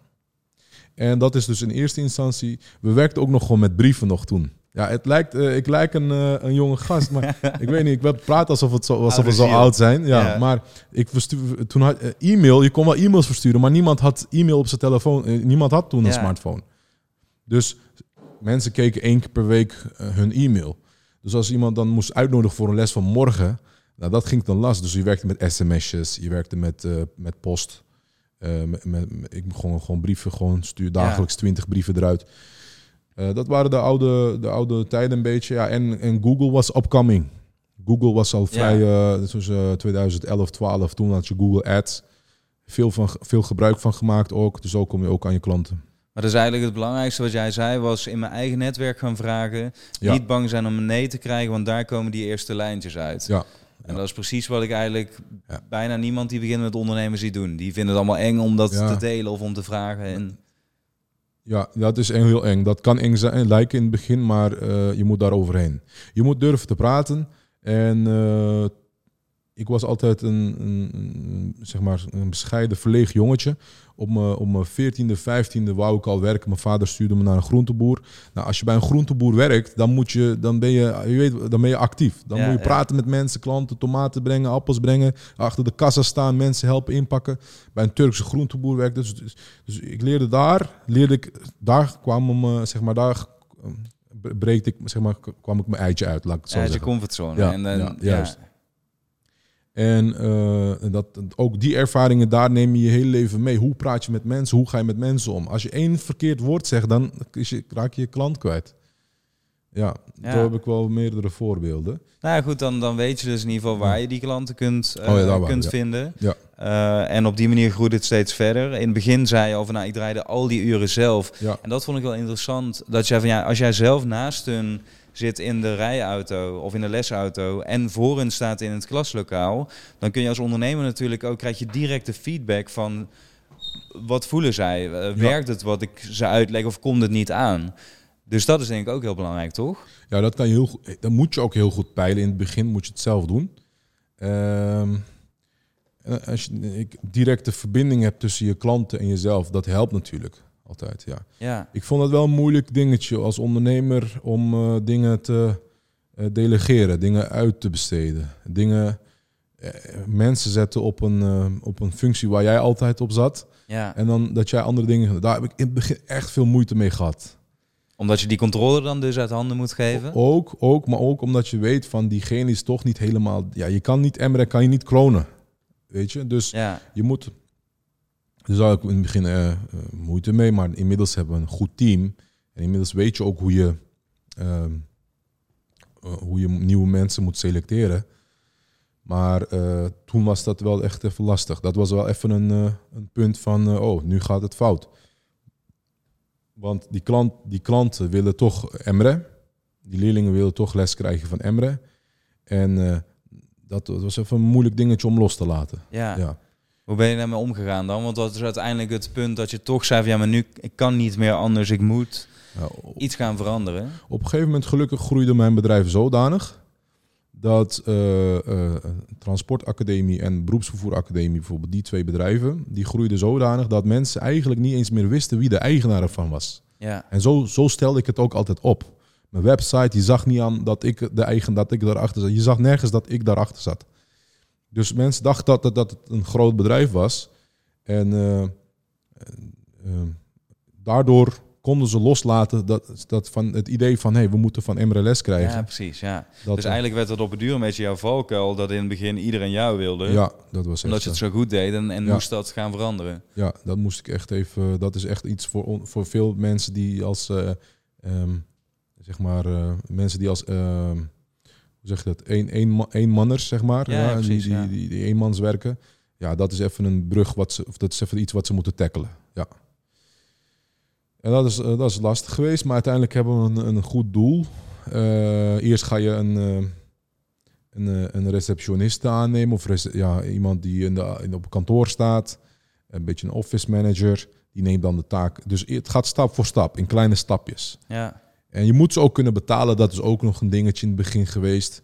Eh, ja, kan ik hem wel betalen? En ja, soms zijn er maanden geweest dat ik eh, eerst eh, mijn personeel heb moeten betalen. En ik pas na een paar maanden. Ja, dat kan. Dat, Ja. dat, dat hoort erbij. Wat is je grootste dieptepunt in die hele periode geweest? Van de eerste, zeg vijf tot acht jaar. Wanneer was een moment, want in business gaat nooit alles alleen maar recht omhoog. Dus wanneer heb je een keer gedacht van holy shit, dit gaat misschien wel verkeerd nou, of...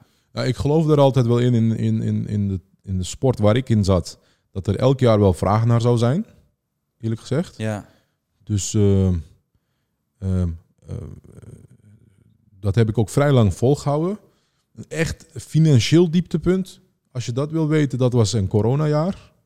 Maar dat was ik al, ik had al tien jaar gewerkt, dus ik had al een buffer van negen, tien jaar. ja, Dat, die kon ik heel, eh, dat was wel echt spannend. Dat was mijn slechtste jaar ooit. Eh, je kunt je voorstellen, je, doet, eh, je hebt eh 600, 700 leerlingen per jaar. Eh, en dat, eh, dat daalde ineens naar, naar nog niet eens 50. ja, Ja, dat is een daling. Dus dan, ook omdat het CBR verplicht dicht ging, dan moesten wij verplichting. Dat was echt zoiets van, dit nog nooit meegemaakt. En ik ben ook niet gewend om thuis te zitten. En ik moest noodgedwongen, voor het eerst in mijn leven moest ik noodgedwongen thuis zitten met die lockdowns. Uh, dit is ongekend. Dit, maken we, dit gaat geschiedenis schrijven. Dit, dit gaan we ik heb nog nooit meegemaakt. En iedereen die ik sprak die 50, 60 jaar oud was, die zeiden ook dit hebben we nog nooit meegemaakt. Dus um, en toen is het idee ontstaan, YouTube, camera pakken en uh, we gaan leuke dingen doen. Ja. Ja, daar uh, kunnen we meteen die verbinding maken naar ja. mijn YouTube kanaal. Maar dat was echt even een lastig momentje. Ja. Ja, maar je zei, doordat ik die buffer had, konden we dat in ieder geval opvangen. Ja. Heel even kort, want ik vind het altijd wel interessant, want je zegt ongeveer 600, 700 leerlingen per jaar. Ja. Um, de, de, een beetje jouw verdienmodel. Dus één zo'n leerling betaalt voor zo'n hele opleiding of cursus. De kosten die je hebt zijn je bedrijf, uh, je bedrijfspanden, ja. de auto's en je personeel, denk ik ja. toch? Even... Ja, grootste kostenpost zijn die inderdaad. Ja. En je examens inkopen en zo, ja. Dus is het in die zin dan goede business of heb je voor die, reis, uh, voor die uh, lesbusiness ja. vooral schaal nodig voordat het interessant je wordt? Hebt, je hebt zeker schaal nodig, omdat het blijft mensenwerk. Uh, het blijft uren. Ja. Je moet toch één voor één opleiden allemaal in de auto. Je moet zo zien, van die 600, 700 leerlingen is een, is een klein gedeelte, of tenminste een, een gedeelte taxichauffeurs. Maar taxichauffeur, taxi is een breed term. Hè? Dus het is niet alleen maar straattaxichauffeurs. Ja, het is ja. ook bijvoorbeeld, wij leiden ook mega veel um, chauffeurs op die schoolvervoer, kinderenvervoer, rolstoelvervoer. Dus het contractgedeelte. Dat zijn ook taxichauffeurs die opgeleid moeten worden. Um, dus die mensen die in het maatschappelijke werk zitten, die doen wij ook heel veel opleiden. Maar ook in die 600, 700 leerlingen zitten ook vrachtwagenchauffeurs, buschauffeurs. Dus het, is, het, het is vrij breed. Ja, precies. Okay. Ja. Maar um, het verdienmodel, ja, ze nemen bij ons een, een opleidingspakket af. Uh, nou, de, de, ene koopt een opleiding van 1000 euro, de andere koopt een opleiding van, uh, van 2000 euro. En sommige opleidingen we hebben ook bij die van die 4000 euro kosten, dat kan. Um, ja, en uh, dan moeten wij hun voorzien van alles, opleiding, examens. Ja. Uiteindelijk is het doel dat ze, dat ze, hun, dat ze, dat ze slagen. En, uh, en dat ze blij zijn en dat ze nieuwe klanten aanleveren. Of tenminste, dat ze dat doorvertellen en dat we daardoor nieuwe klanten weer krijgen. Ja, Dat is een beetje het idee. dus jullie focussen echt, eh, net zoals in het begin, gewoon volledig. Want toen zei je 9 van de 10 mensen die je voor de eerste les gaven, die waren Ja. geslaagd. Ja. Dat je zegt van als dat ons lukt, dan komt de rest vanzelf. Als we alleen maar focussen op het geld Juist. en dat lukt niet, Ja. dan hebben we niks. Ja. Ja. Ja. Je moet natuurlijk continu je producten ontwikkelen. Uh, dus de lesmaterialen, je bedoel, elk jaar komt er weer een update. Uh, nieuwe onderwerpen, nieuwe wetswijzigingen. Dus ja, dat moet je wel continu blijven, uh, blijven vernieuwen. Ja. Je lesmateriaal. Maar daar hebben we dan, uh, dat doe ik samen met een paar, paar docenten binnen ons bedrijf. Die, daar gaan we eens een keer in de zoveel tijd zitten. En dan gaan we kijken van ja, hoe kunnen we dingen toch beter, makkelijker en sneller, efficiënter uitleggen. Ja. Ja. Dat is een stukje, dat is een stukje, dat is, dat is, dat is, dat is een stukje ja, productontwikkeling, zeg maar. En digitalisering, want in het begin Ja, dus alles op papier. Maar ik kan me voorstellen, op een gegeven moment kun je in ieder geval ook heel veel wel met een computer, toch met video's, Ja. weet ik veel wat. In ieder geval uh, manier Ja. om niet zelf alles te hoeven doen. Ja, daar schiet ik wel in, in de afgelopen jaren een beetje in tekort. In die zin niet binnen mijn bedrijven, maar ehm, je vroeg net of het eh, lucratief was, toch, mijn business? Nou, Ja, Tuurlijk, ik maak geen verlies. Maar het is ook niet zo dat het. Het is, het is, ehm, het is ook niet zo dat het, dat het superveel oplevert. Omdat het is, je krijgt per uur een, een bedrag van een leerling. En je zit in de auto. ehm, en een, een- een groot gedeelte gaat al een uur naar, naar de, je werknemer. Dus je personeel. En auto, voertuig, dat soort dingen. Een klein, klein, blijft een klein stukje marge over. Niet Ja. eens eigenlijk in de praktijk. Waar, wij, eh, waar ik goed op score is de, de grote zalen, de theoriegroepen die we doen. Daar zit de meeste marge op. ah, kijk, Ja. oké. Ja, dat, eh, daar zit de meeste marge op. En dat dekt ook de praktijkkosten weer een beetje.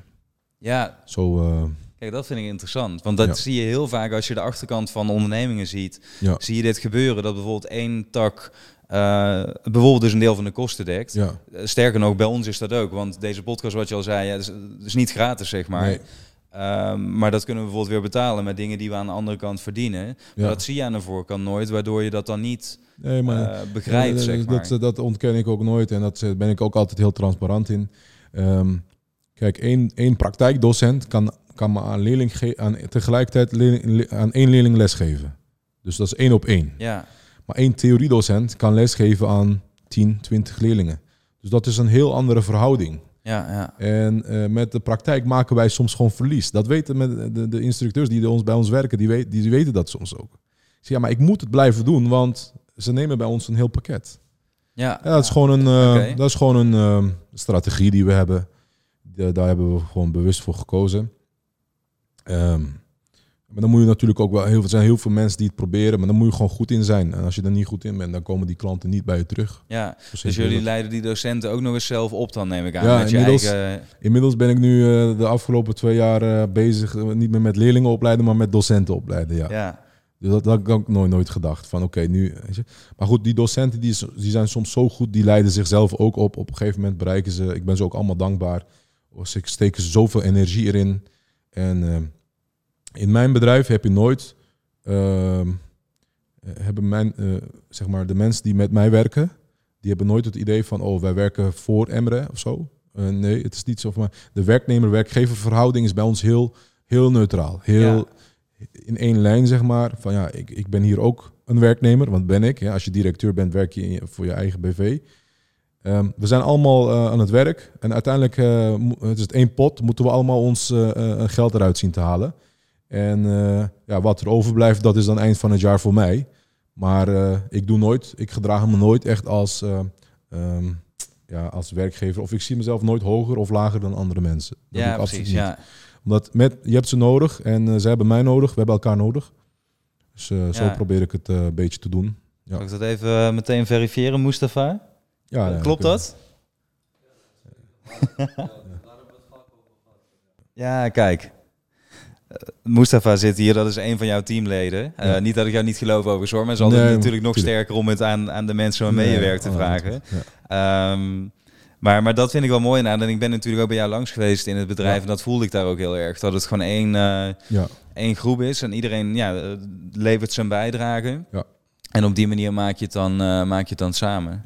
ja, absoluut. Je hebt, teamvorming, dat is echt dat, dat, is, dat is belangrijk. En dat is... eh, dat, heeft, eh, dat bouw je niet in één dag op. Dat, Nee. eh, dat heeft me twaalf jaar eh, gekost. En, eh, en ik ben er heel blij mee. En ik heb nu ook inmiddels... eh, eh, mijn broertje helpt mij heel erg op de zaak. Waardoor ik ook heel vaak weg kan. En ook bijvoorbeeld YouTube-filmpjes kan doen. Dat, Ja. dat is ook wel fijn, ja. Misschien nog heel even één ding. Want je zegt, in die twaalf jaar heb ik veel geleerd. Ja. Wat je volgens mij ook heel erg veel krijgt van teams opbouwen is mensenkennis. Maar die Ja. heb je niet als je net begint. In ieder geval niet zoveel. Ja, daarom zei ik uitbesteden, of in, in het begin nieuwe mensen Ja. aannemen is gewoon heel lastig. Heb je wel eens vergist in mensen? Of zijn er Ja, dingen wel eens echt flink tegenvallen? dat je Zeker, van, dat was echt. ehm, kijk, omdat ik ook, eh, ik heb ook geen bedrijfskunde of bedrijfseconomie afgestudeerd. En dan begin je wel mensen aan te nemen. Een personeelsmanagement, dat is gewoon een heel apart vak. Dat is een vak apart. Dus op een gegeven moment begon ik mensen aan te nemen. En eh, ik, had één, eh, ik, had één, eh, ik had één persoon die ik had aangenomen. Ehm, nou, dat bleek geen, niet helemaal een eerlijke personeel te zijn. Maar ik heb dankzij hem, uiteindelijk heb ik hem gewoon bedankt. Ik heb zoveel hoofdpijn en shit door, door hem gehad. Maar uiteindelijk heb ik hem bedankt, omdat ik heb gewoon veel van hem geleerd. Ik bedoel, eh, het heeft me zoveel geld en tijd en stress, eh, zeg maar, geld en stress, of zeg maar, geld gekost en stress opgeleverd. Ja. Uite- uite- uiteindelijk had ik dat, als ik dat had moeten leren op school, was ik misschien een jaar naar school moeten gaan.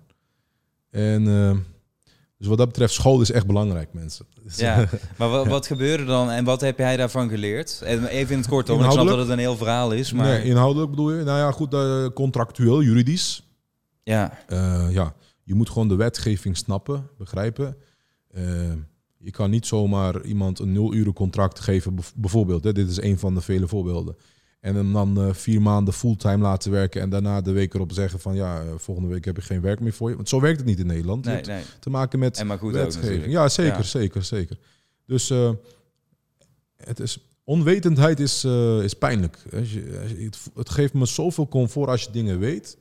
Dan kan er ook bijna, ja, kan er ook weinig Ja, fout gaan. maar Dus eigenlijk, daar zijn wat dingen gebeurd, waardoor jij wat meer naar de regelgeving ook moest gaan kijken. Of in ieder geval. Ja. van hoe werkt het precies. En dat is hetgeen wat je nu meeneemt weer. eh, ja, ik stuurde hem een mailtje van eh, iets. En hij zei, is goed, ik kom er morgen bij op terug.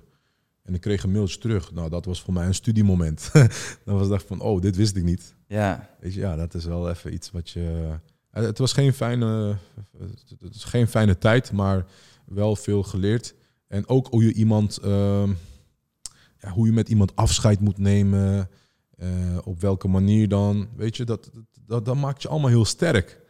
Een sterke ondernemer. Dat- ik zou dat zeker aanraden. En ik, En wat heb ik je daar, nog- bijvoorbeeld over geleerd dan? Want kijk, mensen kijken en luisteren dit natuurlijk ook om weer bijvoorbeeld wat van jouw kennis eh, gebruikt te kunnen maken. Dus bijvoorbeeld van als je afscheid van iemand moet nemen. Ja. Nou, dat gebeurt vaker zelfs met, met vrienden of zo heb je dat soms toch. Maar wat heb jij er met eh, teamleden over geleerd van hoe kun je dat ja, goed doen, zodat het voor Eh, diegene Uiteindelijk ook, is het eh, belangrijk dat je op een manier, op een manier afscheid neemt. Dat je, eh, dat je altijd een deurtje op een kiertje laat. Als je van elkaar afscheid neemt, dan wil je daarna nog, als je hem ergens tegenkomt, wil je hem gewoon, eh, ja, wil je hem gewoon kunnen aankijken. Ja, Ja? Dus eh, da- daarbij, daarbij speelt eh, dat je gewoon eerlijk moet afhandelen. Ehm, geen addertjes onder het gras. Gewoon eerlijk, eerlijk tegenover elkaar zijn. En, en, en met praten los je echt heel veel op. Dus op een gegeven moment gingen we praten. Bijvoorbeeld bij die ene specifieke, dat ene specifieke geval. Eh, ze zeiden van ja, je hebt nog zes maanden contract bijvoorbeeld. En eh, hoe zou je het vinden als we als, als ik je bijvoorbeeld, ik wil van je af, want we kunnen niet door één deur. Jij eh, levert me zoveel schade op dat, eh, dat je liever weg bent. Ja, ik ben je liever kwijt dan rijk, zeg maar. Eh, hoe kunnen we dat oplossen? Nou, op een gegeven moment bood ik hem aan van, ik geef jou drie maanden salaris. Dus ik, je hoeft drie maanden niet te komen. Eh, maar ik betaal je wel drie maanden. Dat is even bruto met alle kosten. 5000 euro per maand was me 15.000 euro. Dat was toen veel geld voor mij. ja, Maar anders moest ik hem zes maanden loon betalen en ik had niks aan hem. Hij was niet productief voor mij. Dus had ik hem eh 15.000, hij, hij vond het goed. En wa- wa- ik- eh, ik vond natuurlijk balen, maar hij vond het goed. En, en eerlijk gezegd, achteraf begreep ik ook van eh, die tijd heeft hij ook wel nodig om een nieuwe baan te zoeken. Misschien geen drie maanden, maar hij heeft sowieso tijd nodig. Dus je kan niet iemand in de steek laten. Dus als er een wet is gemaakt, de meeste wetten zijn wel goed gewoon. Weet je, dat is gewoon, dat is met een reden gemaakt. ja, Ehm, de kern van het verhaal is niet die 15.000 euro, maar de kern van het verhaal is hier hoe eh, eh, het feit dat het mogelijkheid is door middel van een VSO, vaststellingsovereenkomst, dat je met iemand kan afscheid kan nemen bijvoorbeeld. ja, Dat, is, dat heeft mij 15.000 euro gekost, die, die, die les. ja, Maar op school had ik dat gratis kunnen leren misschien, snap je? Door, door op tijd eh, te weten van, oh, er bestaat vaststellingsovereenkomst. Nou, weet je, ja. dat soort dingen. Als ondernemer kom je gewoon dingen op een hardere manier eh, Ja, precies. Ja. Maar aan de ene kant zeg je vanuit me 15.000 euro gekost inderdaad. Want als je misschien in het begin had in kunnen schatten dat diegene niet goed werk zou leveren. ja. Dan- Maar dat had, waarsch- dat had in die omstandigheden gewoon niet gekund. Anderzijds heeft het je ook 15.000 euro bespaard. Omdat je er dus achter kwam van hé, hey, Juist. we kunnen in het midden eindigen. Ja. En anders was het 30.000 geweest. Ja. Dus dat vind ik dan weer, weer het mooie hoe je... Ja, dat is een, maar als je, als je nog ervaarder bent, dan voorkom je überhaupt dat je zo iemand aanneemt. ja, maar dat nee, is ook precies, weer Ja, maar dat is nu zeg maar. Maar dat... Maar ook nu kan ik nog steeds die fouten maken. Soms maak je gewoon fouten. En ik heb, zit nu, van, eh, dat, eh, daar hebben we het een ander keertje wel over. Maar ik zit nu in privé in een lastige situatie. Niet privé thuis, maar ehm, ehm, ik, ik ben nog wel bezig met zo'n vastgoedprojectje. Ja, daar gaan dan dingen, sommige dingen toch niet lekker. En mensen die mij kennen, die denken van ja, maar hoe heb jij het zo, tenminste, ik, ik heb het niet zoveel laten komen. Hoe, heb jij, hoe ben jij beland in die situatie? Ja. Jouw kennende. Ja, ja, ja soms, soms gebeurt het. Soms vertrouw je mensen. Soms. En ook de drukte misschien. Van als je druk Ja. hebt, kun je niet alles tot in ultiem detail ja, dat, eh, checken, dat, is, toch? dat, is het eh, ook. Ja, ja, dat is het ook. Ik heb mijn aandacht niet volledig op kunnen, kunnen vestigen. En, en we kunnen wel de schuld geven aan alles en iedereen. Maar uiteindelijk, sommige dingen moeten gewoon gebeuren zoals het moest zijn. Weet je, Ja. dat, eh, dat accepteer ik ook. Dat is gewoon het lot. En als we dat, dat weten, dat geeft je zoveel rust ook. Dan kan je weer verder. Ja, Ja. zeker. En er zijn een aantal dingen die ik nog graag met je wil bespreken. Zeker. Eh, de ene die heb je net al ingeleid, want dat is jouw YouTube-kanaal. Ja, En jouw YouTube-kanaal is ook de reden dat ik jou heb kunnen leren kennen. Eh, want Ja. anders had ik gewoon letterlijk niet, weten dat je, niet geweten dat jij bestond. Ehm, dus je zei van in corona, business liep terug. En toen ben jij dat YouTube-kanaal gestart. ja. Waarom? Hoe heb je dat aangepakt? Hoe, is dat op je pad gekomen? Want heel veel mensen vinden ook dat weer heel spannend, toch? ja. Van, oh, dan ga je Ja, ineens dit, dit hele heb ik nooit, eh, ja, een klein beetje. eh, mensen weten hoe het is ontstaan, mijn kanaal, maar nooit echt het eh 100% het verhaal erachter. Ehm, nou ja, de, de grootste reden was natuurlijk eh, dat we in de corona-lockdown zaten. Eerste drie maanden. Nou, toen eh, was het voor iedereen even, eh, wat gaat er gebeuren? Hoe lang gaat dit gebeuren? En we wisten niet dat het drie maanden zou duren. Het was eerst twee weken en toen werd het steeds verlengd. Mhm. Nou, na drie maanden mochten we weer wat doen. En toen gingen we naar, na, na vijf maanden of zo moesten we weer even op slot. Nou, toen dacht ik, nou, dit kan weer drie maanden duren. Oké, Emre. Je hebt in me- 2020 toen had ik- had ik een negen jaar een onderneming. Eh, en ik denk, Emre, ik ga, ik ga iets meer met mijn hobby's doen. Ieder mens heeft zo- zo'n uitlaatklep. De een houdt van eh, auto's, de ander houdt van sport, voetbal. De ander houdt van, eh, van weet ik wel, vechtsport. Ehm, ja, en de andere zit te gamen thuis. Dat kan. Dus iedereen heeft zo zo'n zo'n ding. En ik denk, ja, waar hou ik nou van? Ik ben helemaal super gek weg van auto's. Ik ben echt autoliefhebber in hart en nieren. Dus ik denk, ja, wat zou ik heel graag willen? Ehm, ik had nog een droomauto toen in die. Een realistische droomauto. Dat was een Mercedes C63 AMG. Ehm, nou, die, eh, die kon ik kopen. eh, met, eh, met het mijn spaargeld die ik toen had. Ik denk, ja, weet je, iedereen gaat dood aan corona en zo dat soort dingen. Misschien zijn we morgen ook dood. Ik ga gewoon mijn ding doen. Ehm, dus ik kocht, ik kocht uiteindelijk zo'n auto. Maar ik denk, ik heb ook altijd passie gehad voor camera en videografie. Ik, ik, ik, ik heb Ja. altijd wel een camera gehad thuis. Ik, ik hield ervan. Om goede shots te maken, foto's te maken, video's te maken. En ik denk, ik pak die camera en ik ga het gewoon vastleggen op, eh, op video. Mijn aankoopvideo en alles eromheen. En ik had een neefje. eh, ik heb een neefje die eh, heel goed is in editen. Ja, want die heb je ook nodig. Die heeft het dan in elkaar gezet. En ik keek altijd YouTube ook. Ik kijk altijd naar je autokanalen. En ik keek ook naar andere. Het is geen hoogmoed of zo, maar ehm, ik had ook altijd stiekem een beetje het gevoel van... ik denk dat ik het beter kan. Ik zeg ik denk, maar eigenlijk wist ik het toen, zeg maar, soort van zeker. Maar ik wil, het, eh, ik wil niet hoogmoedig doen of zo. Ehm, dus zodoende was- ik begonnen. En, en, en uiteindelijk, in eerste instantie had ik heel, daar heel veel twijfels bij. Omdat, eh, één, eh, voor de, ik kon al voor de klas staan. Dus ik kan zo voor duizend man staan en praten. Dat is geen probleem voor mij. Maar voor de lens praten is heel anders. ja, Mensen denken dat het hetzelfde is. Of ja, hij kan nu voor de les omdat hij al gewend is voor de klas te staan. Maar dat is niet zo. Want voor de lens staan heb je... ehm, je hebt, geen, je hebt geen interactie met die Ja. lens. Dus je bent eigenlijk aan het... Nu hebben we interactie. Maar met, tegen die lens, het lijkt alsof je te- uit je- tegen jezelf praat. Ja. Dus dat is een beetje je lastig. krijgt geen feedback, nee. Dat, eh, Dus daar had ik mijn twijfels bij. En tweede is, eh, ik had ook mijn twijfels bij van ja, wat nou wat. Kijk, mijn Nederlands is best goed. Maar ik dacht toch van ja, maar straks als ik me verspreek of misschien een lidwoord niet goed uit, we- weet je. Eh, In plaats van de of het, weet je, dat soms eigenlijk, dat kan. En dan wat gaan, wat gaan mensen daarvan vinden? Maar uiteindelijk ben ik daar inmiddels zwaar overheen. Maar in het begin had ik Ja. daar ook mijn, mijn ehm, eh, keek ik daar eh, tegenop. dus je bent dan toch, eh, en dat had ik ook heb ik hoor, doorgezet. ben je bezig met de mening van anderen. Van oh, wat Ja. gaan zij hiervan vinden? Maar Ja. je wilt zelf ook iets en je bent er wel van overtuigd. Ja. Dus Ja, ik denk dat heel veel mensen dat herkennen. Van je wilt iets, maar toch komen al die stemmetjes in Ja. je hoofd die... Ja, eh, doordat ik al die jaren voor YouTube keek, van, ik zei al eens tegen mijn vriend van, ik denk dat ik het ook wel leuk zal vinden of zo, op een of andere manier. ja, Ehm, en tegelijkertijd denk je ook weer van zoiets van, ja, maar wordt het dan niet als ik een eh, YouTube-kanaal begin en ik laat mijn auto zien? Eh, want, want waar ik in heel erg in geloof, dat is gewoon een onderdeel van ons geloof, is eh, ehm, ja, boze ogen, het, het kwade oog. ja. Ehm, dat bestaat. Mensen kunnen onbedoeld, ongewild, zeg maar, denken van, ja, ehm, met, zeg maar, moedwillig of niet moedwillig, kunnen ze per ongeluk eh, door, door een bepaalde manier van kijken, toch eh, jou eh, ja, schade toebrengen. Dat zit in ons geloof, heel, erg, heel diep. Kun je dat nog iets meer uitleggen? Want ik vind het wel interessant. Ik, Ja, leer ook zelf veel in deze podcast. Ik heb van Walid bijvoorbeeld al geleerd over de uh, Sakaat. Vond ik heel erg interessant. zeker. Is verplicht, Ja, dat ja. was ook iets wat ik nog niet kende. Ja. En jij vertelt nu over het boze oog. Ehm, Kijk, deze podcast is real. En ik weet, je hebt hier eerder iets over tegen me verteld. Maar wat betekent het precies?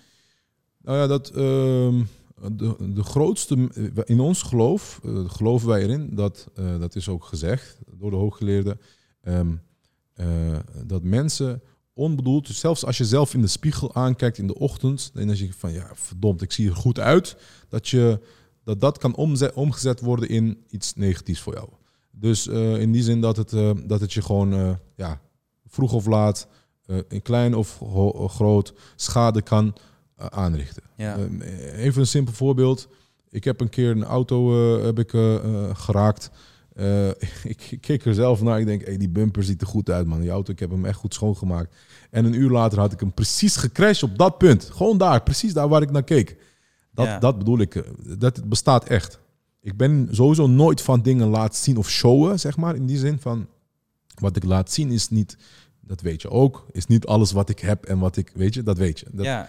Daar ben ik een beetje terughoudend in. Dat is ook een van de grootste redenen waarom. Ik, kijk, kunnen mensen nu wel zeggen, maar waarom laat je dan de auto zien? Ja, eh, dat is toch een tak van sport die ik wil. Die ik, dat is echt mijn hobby. Denk ik, oké, dat ga ik wel laten zien omdat het gewoon mijn passie is. En dat wordt ook naarmate, dat is het onderdeel, dat is het onderwerp van het kanaal.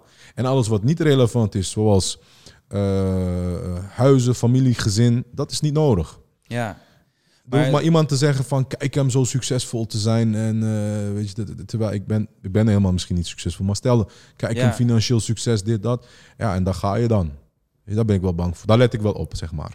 Ja, dus dat is het, eigenlijk het risico, want je bent continu aan het afwegen met die YouTube. Want eh, om heel even terug te spoelen, maar die eerste video is meteen heel erg ontploft, toch? Dat ging heel snel. Verbazingwekkend genoeg eh, was, was ons doel van de eerste 24 uur willen we 100 views of zo. Ja, dat was mijn eerste doel. Ja, En het waren er duizend. ja. Dankzij ook eh, mijn netwerk, vrienden. Want in de eerste instantie ga je heel veel delen in de omgeving. Van kijken, delen het, share het, weet je toch. En eh, nou, dank jullie wel allemaal natuurlijk. Die eerste kijkers vergeet ik nooit. En dan krijg je motivatie. Ik wil nu mijn tweede video maken. En dat ging dan over, toen had ik twee eh, leuke auto's. Mijn eerste auto die ik toen op dat moment had was, ehm, was een goedkopere auto van 12.000 euro. Dat was een Golf 5 R20. Die had ik voor 12.500 euro in Duitsland gekocht. Maar die auto pakte opeens, eh, ik weet nog goed, die hadden we, daar hadden we een, eh, een video van gemaakt. Die staat nog steeds online. Eh, in een garage dat ik gewoon alleen zittend, alleen zittend een kwartier lang ging praten over die auto. ja. En, en eh, op een gegeven moment gooide ik die online. En die kwam blijkbaar eh, in de algoritme, in de feed van, hoe heet dat? Ja, in de feed Ja. van YouTube. ja. In de algoritmes van YouTube, op de, op de aanbevolen. Ja, die kwam op aanbevolen. Maar ik wist helemaal niet wat dat was, dat je op aanbevolen kwam. En op dat moment zag ik, hé, 1000 views, 2000 views, 5000 views, 10 in één week, hè? 15, 20. En in één dag zaten we op 30, 40.000 views. Denk ik, wauw, denk, hey, dit, is, dit gaat wel hard. En dan kom je in aanbevolen en dan weet je, oké, nu zit je in, in, in die YouTube-algoritmes en nu moet je oppakken. ja. En ik bleef het doen. De mensen, de reacties waren echt overweldigend positief. Iedereen dacht van wauw, dit is eh, uniek. Jouw passie voor de auto's, dat soort dingen. En mensen vinden het ook blijkbaar heel erg fijn om naar mij te kijken en te luisteren. Blijkbaar, hè, dat ze, ja. weet ik niet 100% zeker, maar dat blijkt uit de cijfers een beetje. Daar ben ik ze ook allemaal één voor één dankbaar voor. En eh, wat ze ook weten is in eerste instantie eh, was het, is het echt hobby en hobbymatig en er zit helemaal geen verdienmodel achter. Misschien komt het ooit nog. Eh, ja. Dat is ook waarom ik zei van ik ben in het online gedeelte schiet ik nog een beetje tekort in mijn leven, omdat ik heel weinig met webshops, met, met online e-commerce, dat soort dingen, dat doe, Ja. dat doe ik allemaal niet. Voor mij, bij mij is het echt uren maken. Dat, zeg maar, dat een beetje dat ouder, ouderwetse manier van werken heb ik nog een beetje systeem en het werkt gewoon goed. Maar echt het op volume, e-commerce, internet, digitalisering, online lessen, dat, dat, ik heb de voorbereidingen wel klaarstaan. ja. Maar ik heb er nog, nog eigenlijk geen tijd voor gehad om eh, daarin te verdiepen.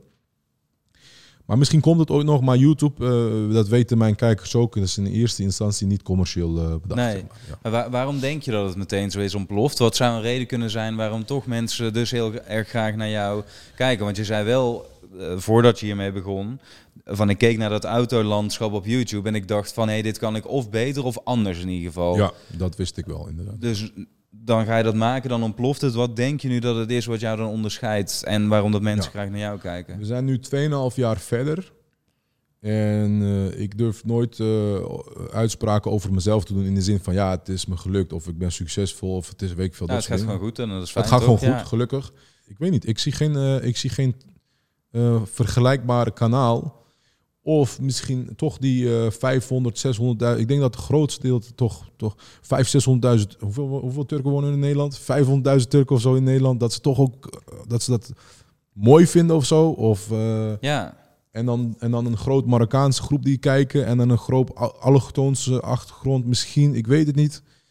Maar ik kijk ook heel veel autochtoonse mensen. Ehm, dat kan. Ik weet niet. Ik, ja, ik heb daar eigenlijk geen... eh, en eh, wat ik wel weet is kwaliteit technisch gezien. Ehm, elke frame die we maken, zeg maar tijdens het editen... eh, elke seconde van die video kijken we echt vijf keer na. En alles wat we doen tot aan, tot aan het, einde controleren we alles. En eh, wil ik dat het op mijn manier, want editors weten dat ook, die editen eerst en dan ga ik er overheen, dan gaan hun er overheen en dan doe ik het nog even de laatste keer checken. En dat kost Ja, ja. zoveel tijd. Maar dan weet ik dat het eindproduct is precies hoe ik het beeld zou hebben. En ik denk dat daar het verschil in zit. Ik weet ja, niet. precies. Ja. Maar dan zeg je dus inderdaad van het is een stukje... Kijk, want die auto's, laten we eerlijk zijn, die blijven uiteindelijk hetzelfde. Ja. Kijk, ik kan nou nu met een Porsche gaan rijden en jij. En dan Ja. die auto is hetzelfde, maar wij Ja. eh, zijn verschillend natuurlijk. Ehm, en wat ik... Want dat is het grappige, ik ben totaal geen autofanaat. Nee. Dus eigenlijk zou ik niks met jouw content eh, moeten hebben. Maar ik vond vooral jou, de manier waarop jij presenteert, heel erg jezelf. Zoals je nu praat Ja. en zoals wij hebben gesproken hiervoor. Doe je dat ook? Dat ik dacht van nou, het is wel een frisse, frisse wind of zo. Ja, dat hoor ik wel vaak. Heb ik vaak gehoord. Ja, Van Emre, ik heb, eh, ik heb niks met auto's, maar naar jou kijken lijkt interessant op een of andere manier. Misschien is dat omdat ik af en toe toch mijn onderneming laat zien. ja. En, en, en misschien is dat omdat, dat heb ik ook heel vaak gehoord van Emre, de manier hoe je spreekt is gewoon duidelijk of zo. Ja, en de passie. Kijk, Ja. ook al heb ik bijvoorbeeld... eh, je zei, ik ben ook gepassioneerd over camera's. Nou, ik ken genoeg mensen die dat niet zijn. Maar als je met Ja. passie over camera's bijvoorbeeld... of over auto's dus vertelt... kun je iemand anders toch met jouw energie aansteken... dat ze het Ja, interessant gaan vinden. Toch, dat doe je voor de klas misschien ook wel. Ik kan me voorstellen dat heel veel mensen denken... hey, ik wil gewoon die taxi rijden. Die theorie laat lekker zitten. toch maar ze eh, moeten toch de theorie leren. Dus dan moet jij het op een leuke manier... en een engaging de aandacht manier vasthouden. inderdaad de aandacht vasthouden. Dus stiekem ben je al twaalf jaar natuurlijk aan het trainen met de aandacht Juist. vasthouden. Ja, je moet, moet de aandacht proberen vast te houden van de kijker. Eh, en eh, inderdaad, dat de, de leerling in de klas zich niet verveelt na acht uurtjes bij wijze van spreken. Ja. Dus daar komt het een beetje hetzelfde op neer. En, ehm, en wat ik ook eh, in mijn jeugd nog wel eens heb gedaan, en dat heeft ook heel erg geholpen aan mijn YouTube-kanaal, denk ik. Dat is ook een, een geheim wat heel veel mensen. Ja, geheim. Dat is een, iets wat heel veel mensen. Ja, laten we een beetje teasen. Nee. Bouw de spanning op. ja, geheim. Ik, in mijn jeugd heb ik eh, vrienden gehad die muziek maakten. Eh, eh, rappers waren dat. Je hebt gewoon, ge- gewoon amateurs. Ik maakte nooit muziek, maar ik had er wel passie voor. Dus ik, ik bouwde samen met hun een studio. En ik zat hun muziek te editen een beetje. En toen probeerde ik iets te doen. Dat was een programma, Music Maker heette dat. Maar dan leer je ook met knippen, plakken, muziek. Hoe werkt het, die tonen, die, die bars, Ja, eh refrein, couplet. Dat, dat weet je allemaal. En jij weet als geen ander, tenminste in podcast heb je niet te veel te maken met muziek. Maar eh, ik zal dan geen muziek noemen, maar audio. Maar ik heb wel eens gehoord van een grote YouTuber dat 80% van eh, video is audio. ja, En ja, dat pas ik ook heel erg toe met passie. Het moet, het moet kloppen, het geluid. In verhouding met de scènes. En misschien heeft dat ook, een, eh, eh, heeft dat ook bijgedragen Ja. aan, aan het succes van eh, dat de kijkers zo lang blijven kijken. Dat kun je heel mooi zien hè, op YouTube. Hoe lang ze, ja, je kunt alles, alles monitoren. ja, hoe lang ze kijken. En Dat is heel erg leuk voor control freaks zoals wij. Dan kun je elke Ja. seconde zien wat er... ja, dan kun je eens even van, oh, dat onderwerp vinden ze niet interessant. Hey, dat blijft bijvoorbeeld wel. ja, ja, En ehm, YouTube weet ook dat hoe langer je kijkt, zeg maar, hoe, hoe, hoe beter de, de, de, de gemiddelde kijktijd, hoe sneller je op aanbevolen terechtkomt natuurlijk. Dat Ja. is een heel algoritme wat erachter zit. Dus wat dat betreft, eh, ja, YouTube, eh, ik ben de laatste maand, even, vi- ik heb 2,5 jaar elke week geüpload. Nou, dit- hoe- de manier hoe wij video's maken en, en, en uploaden, dus vanaf schieten, editen en uploaden, want we doen het alles zelf, ja. eh, is zo intensief. Eh, en laat ik zo zeggen, één video kun je gewoon makkelijk 12 uur editen. ja. En ik heb geen 12 uur om te editen, maar ik moet het wel doen uiteindelijk, want ik moet controleren. Nou, dus daar proberen een hele hoop uit te besteden. Ehm, eh, eh, maar wat ik wil zeggen is, dat is gewoon intensief. Dat is slopend. Naast mijn bedrijf. Ik heb nog een gezin. Ik heb nog een thuissituatie. Ik heb zoveel, ik zit nog bezig met wat vastgoeddingetjes in mijn, in mijn privéleven. Ja. Dat kost, dat is, eh, dat, eh, dat vreet veel van mij, weet je. Dus dat vraagt veel energie van mij. En dan ook nog een YouTube kanaal. En tijdens de lockdown was het leuk, want dan had ik niks te doen. Maar omdat het een beetje, uit- dit is letterlijk uit de hand gelopen hobby. Ja, corona ging weg. Wij moesten weer werken aan de slag. En toen gingen we ook werken. En 2022 was een topjaar, want het was een hersteljaar na corona. Ja. Eh, ja, ik had geen tijd meer, maar toch ging ik door, omdat, ik- omdat ik er veel energie uithaalde. Maar de laatste vier weken zat ik dus even in een dip. Eh, maar er gaan weer hele leuke video's aankomen. Ja, man. Ja. En je had het net over onderwerpen. Van, hey, je kunt zien welke onderwerpen mensen wel of niet leuk vinden. Ehm, je hebt nu meer dan 30.000 abonnees volgens mij, toch? Even Ja. uit mijn hoofd. Jij ja, zult het beter weten dan ik. 33,7 zit Ja. inmiddels, ja. Vind je het op het duur dan lastig? Want ik zei aan het begin van dit gesprek van... hey, dit is het, de eerste keer dat jij in ieder geval op deze manier zo uitgebreid jouw persoonlijke verhaal deelt. Klopt. Eh, het gaat vaak over de auto's om te kiezen van... hey, wat wil ik wel of wat wil ik niet laten zien? Eh, content bedenken bedoel je? Of- Nou, het bedenken, dat geloof ik wel dat je dat lukt als ik je een onderwerp geef. Maar meer van, je maakt natuurlijk ook de keuze van... hey, Ja. bepaalde delen van mijn leven laat ik wel of niet zien in die video's. Oh ja, ja. Hoe kijk je daar tegenaan? Mm, eh, ik snap je vraag niet helemaal. Ja, Eh, nou kijk... Voor een video bijvoorbeeld, je bent ook vlogs aan het maken en dergelijke. ja. Eh, in een vlog leg je natuurlijk vast wat er in je leven gebeurt. ja, Maar nog steeds als regisseur van een vlog kies jij van... hey, dit wil ik wel laten zien van mijn Ja, leven en dit niet. ja. Naarmate er steeds meer mensen met je mee gaan kijken... vind je het dan moeilijk om te bepalen van... hey, dit wil ik wel laten zien? Of denk je daar veel over na? Maar dit gedeelte ga ik niet laten zien, Ja, dat wil nou, ik niet. Nou snap ik hem beter. ja, Ehm, ik begrijp, ik voel dat de kijkers, hoe, hoe meer ze kijken naar mij, dat ze, ze, je raakt toch gehecht aan elkaar of zo op een of andere manier. En dan wil je, eh, wil je eigenlijk heel veel weten van, eh, veel meer weten van Emre bijvoorbeeld, ja? of van een Sander. Ehm, en dat is lastig, want ja, wat ik zei in het begin, in, ook te maken met boze oog. eh, sommige dingen probeer je gewoon niet te laten zien bewust. Ehm, zodat je ja, een stukje, dat kan ook een stukje privacy zijn, een privacygevoel. Maar daar heb ik bewust in het begin, voordat ik mijn kanaal heb ge- opgericht, heb ik mezelf ook beloofd, dat heb ik ook voor mezelf besloten toen. Van ja, sommige dingen laat ik gewoon niet zien. Terwijl ik zou een heel eh, apart kanaal kunnen oprichten voor misschien mijn privéleven. Of een heel apart kanaal kunnen op, oprichten voor vastgoed, wat Ja. ik doe. Dat mogen ge- mensen, dat, ben, ik- dat heb ik ook gelukkig een beetje kunnen loslaten. Dat heb ik in de vorige video heb ik eh, met, ehm, ehm, met een vriend. Die heb ik, heb ik dat in een video toch maar gezegd. Dat ik, dat ik ook bezig ben met vastgoed. ja, Want ja, eh, dat, is, eh, dat vind ik een belangrijk. Dat is, dat is ook een belangrijke gamechanger geweest in mijn leven. ja, daar gaan we zo nog heel even op in. Maar stap voor stap. Ehm, maar da- daar zou ik dus een apart kanaal voor kunnen oprichten. En daar zoveel informatie over kunnen vertellen. Waar mensen iets, iets aan zouden kunnen hebben. Wat mij zoveel geld heeft gekost. Omdat ik ben ook niet naar een bouw, bouwkundige school gegaan. Ja, Dus dat, heeft, dat heb ik ook op de harde manier allemaal moeten leren. Dus ja, daar zou ik. Maar goed, ik denk ja, het is misschien niet relevant voor Emre Drives. Omdat ik, ja, Emre Drives wil ik gewoon Emre Drives houden. En het over auto's hebben. Maar soms neem ik een stukje lifestyle mee. En eh, ja, dat vind ik gewoon leuk. ja. Ja. Dus nou, en, en het boze oog is dus ook iets waar je heel erg eh, bewust rekening mee houdt in Ja. wat je wel en niet eh, laat zien. Het liefst wil je heel veel dingen laten zien.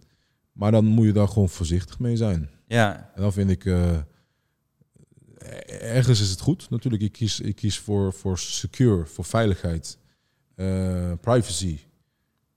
Anderzijds wil je toch de kijkers zoveel mogelijk van je, van je geven. Maar je wilt ook weer niet te veel weggeven. Ja. Dus dat een, een balans daarin. Ik denk dat ik de balans al die tijd eh, wel eh, goed heb gehouden, Sander.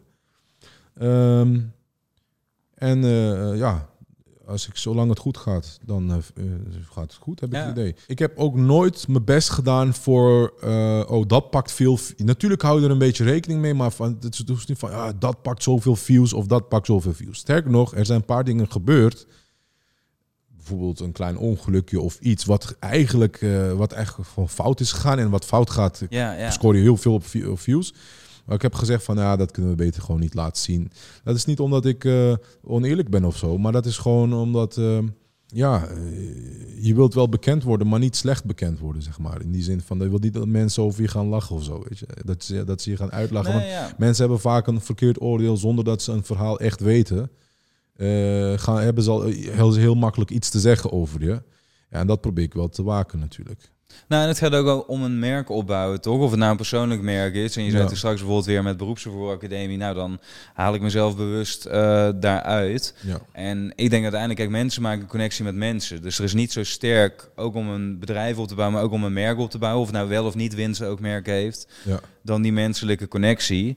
Maar ik denk dat het verschil is tussen alles maar gewoon delen of een persoonlijk merk bouwen. Dus dat je wel over nadenkt van, hé, wat wil ik uitstralen, wat wil ik overbrengen? En dus wat heb ik nodig, Ja. of wat kan ik gebruiken om dat te doen?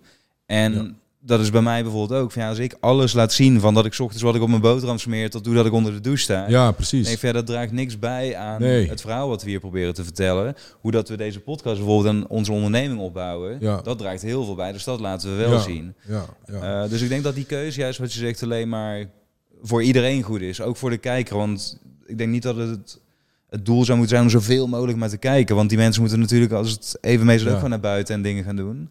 Ja. Dus dat, je, eh, je, ja, daar ben je gewoon heel selectief in. En eh, inderdaad, wat je zegt, ik heb destijds gekozen voor Emre Drives. Dat is een onderwerp, dat is een merk. Dat gaat over auto's. Ja, En ik heb bewust, ik weet dat ik, ik ben geen motivator.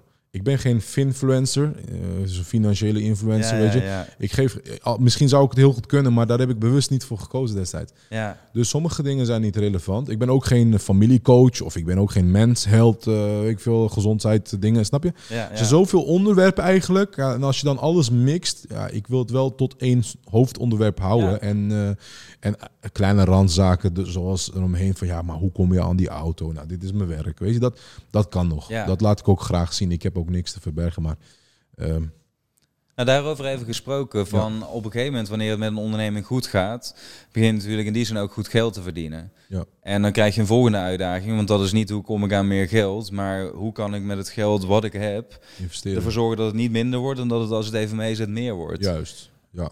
Wat kun je ons daarover vertellen? Wat zijn bijvoorbeeld bij jou de stappen geweest die je op een gegeven moment dus hebt gezegd? Want wat jij eigenlijk er straks omschreef, dat is denk ik ook voor kijkers belangrijk om te weten.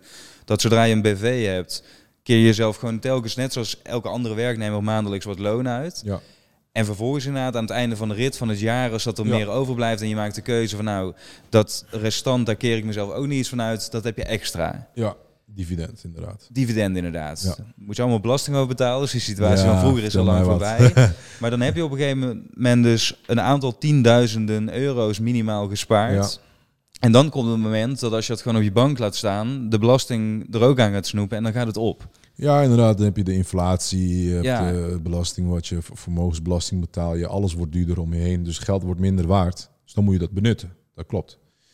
Ehm, ik heb eh, een beetje de geluk gehad, eh, of het geluk gehad, dat, ehm, dat ik in, eh, in, eh, wat ik zei, in 2015, toen de vastgoedmarkt nog echt op, op zijn gat lag, heb ik ehm, eh, die jaren kwam ik erachter van oké, ik maak nu wel wat je zegt, die inkomsten per maand, eind van het jaar keer uit, maar dit kan ook voorbij zijn.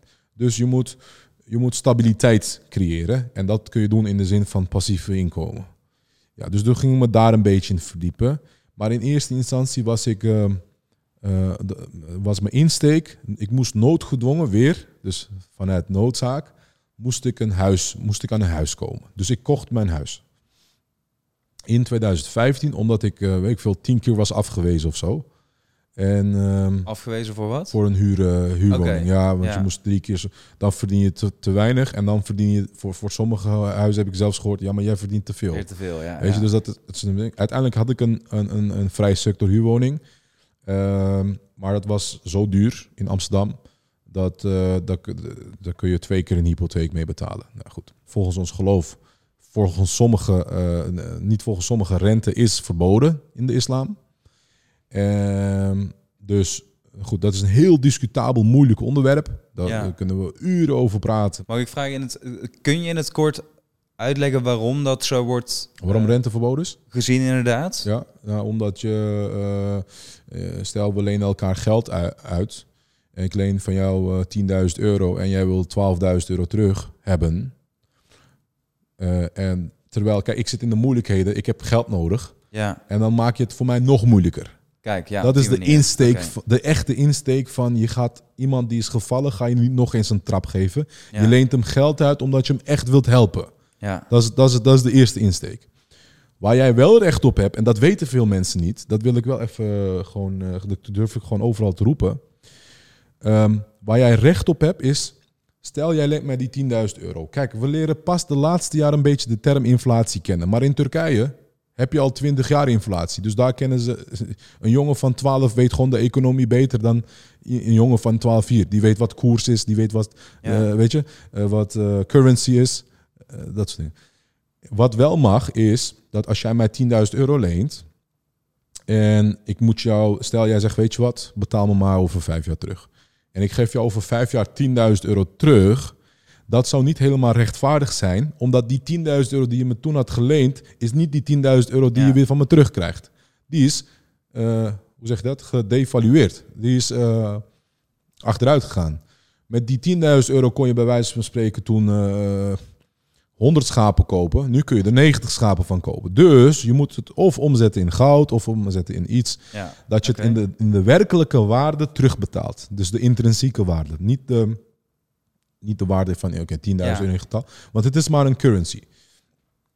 Dus als ik jou dan stel dat we dan dat exact zouden berekenen en we hadden destijds omgezet in goud en dat is uiteindelijk 12.000 euro waard. Dan wordt die 2000 euro gezien als inflatiecorrectie en niet als rente. Kijk, ja. Dat is een, En dan, dan kan het wel, zeg maar maar. rente is, ha- is haram en dat is verboden. Ja, 100%. Ondernemen doe je ook eh, eh, met, met speelregels. Eh, leven doe je met speelregels. En geloof is daar gewoon een belangrijke eh, eh, leidende factor in. Ja, als je me vraagt, ja, maar hoe onderneem je? Nou ja, op basis van mijn geloof. Ja. eerlijk zijn, rechtvaardig zijn. Dat is gewoon, als, dat is gewoon al regel 1. Dus inderdaad, dat, is- ja, misschien, misschien kan je... onge- Kijk, ik zeg niet dat ongelovige mensen slecht zijn of zo. Die kunnen ook heel eerlijk zijn.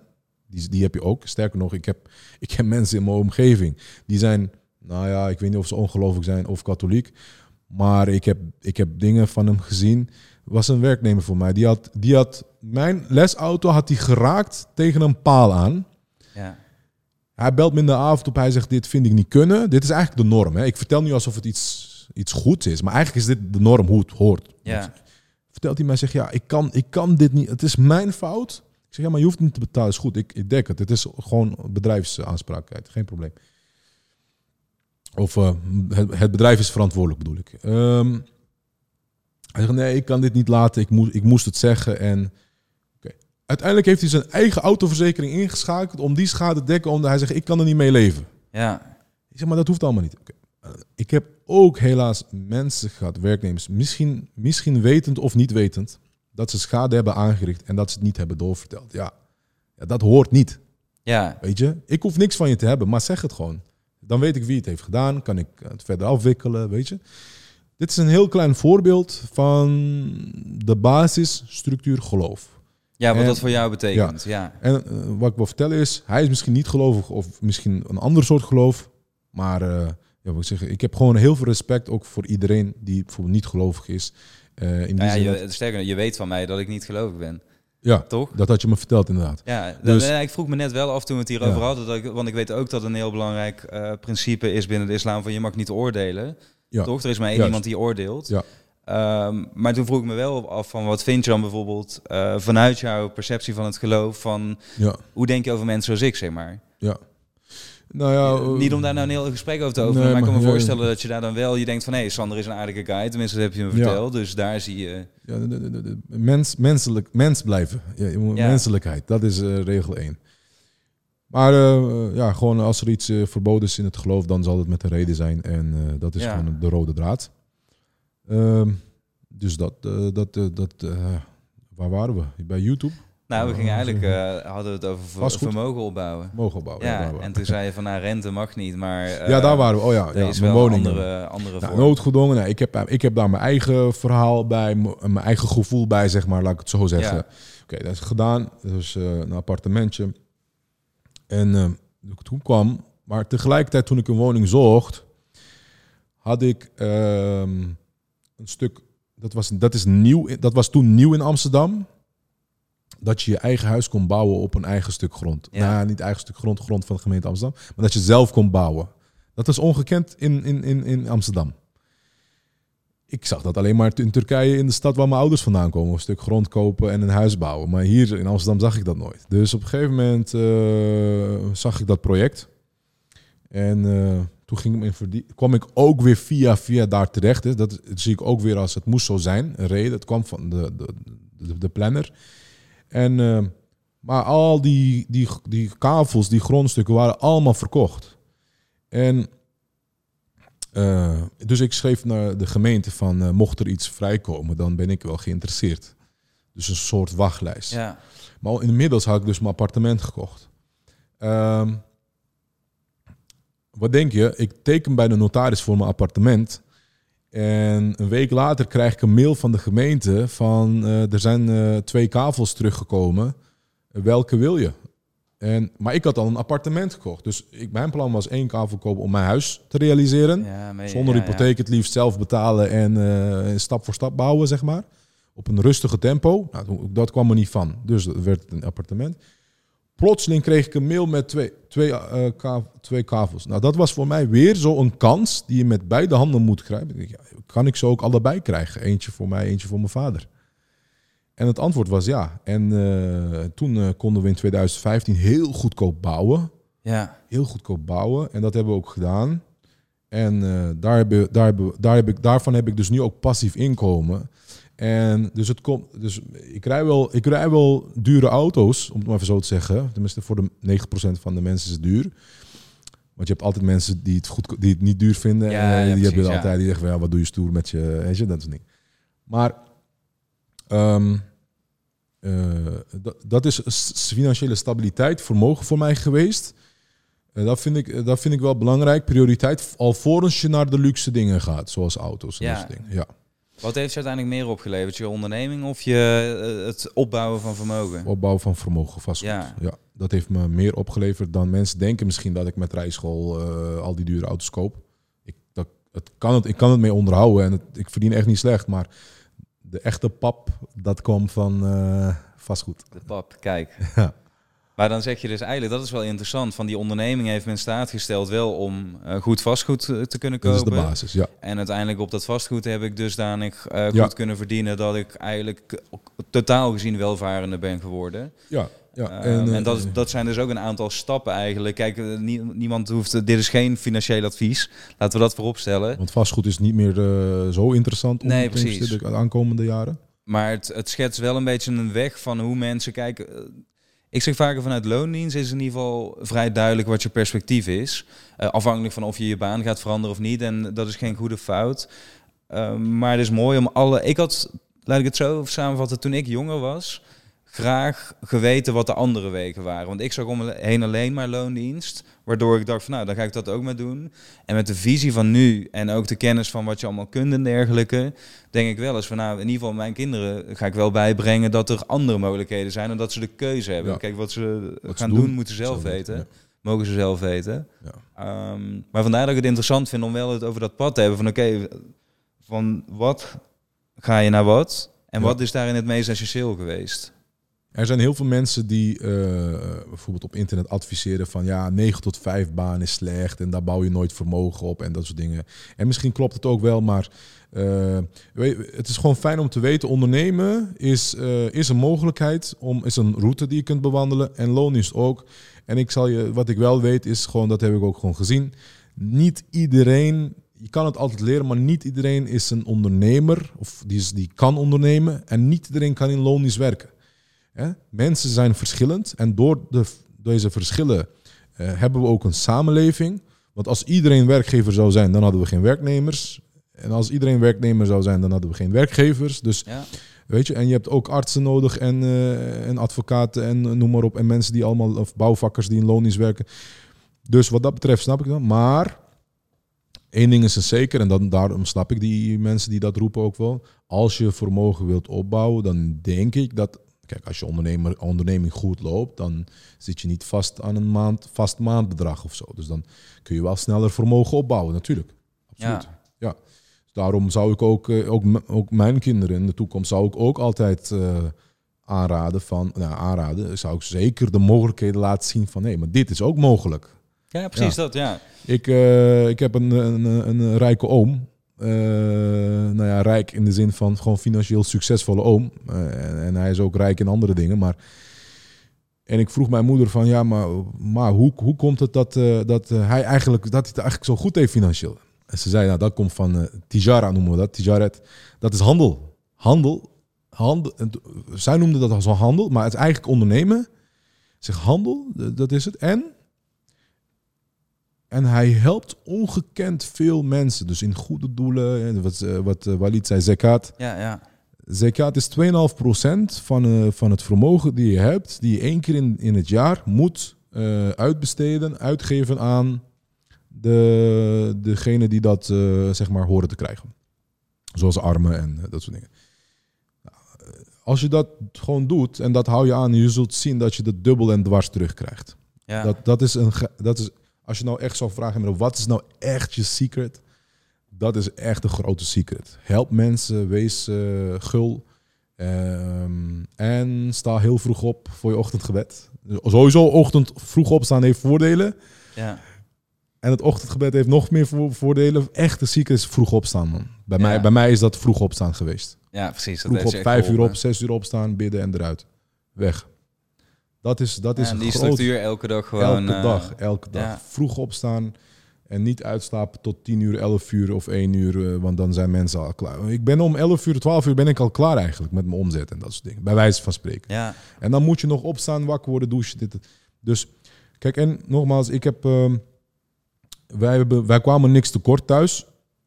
Gelukkig, maar het is ook niet zo dat ik een rijke een rijke vader had of zo, die alles voor me ging voor, voor, voorschieten of voorfinancieren. En uh, ik bedoel, het is echt, echt, echt vanuit nul, vanuit vijf cent begonnen.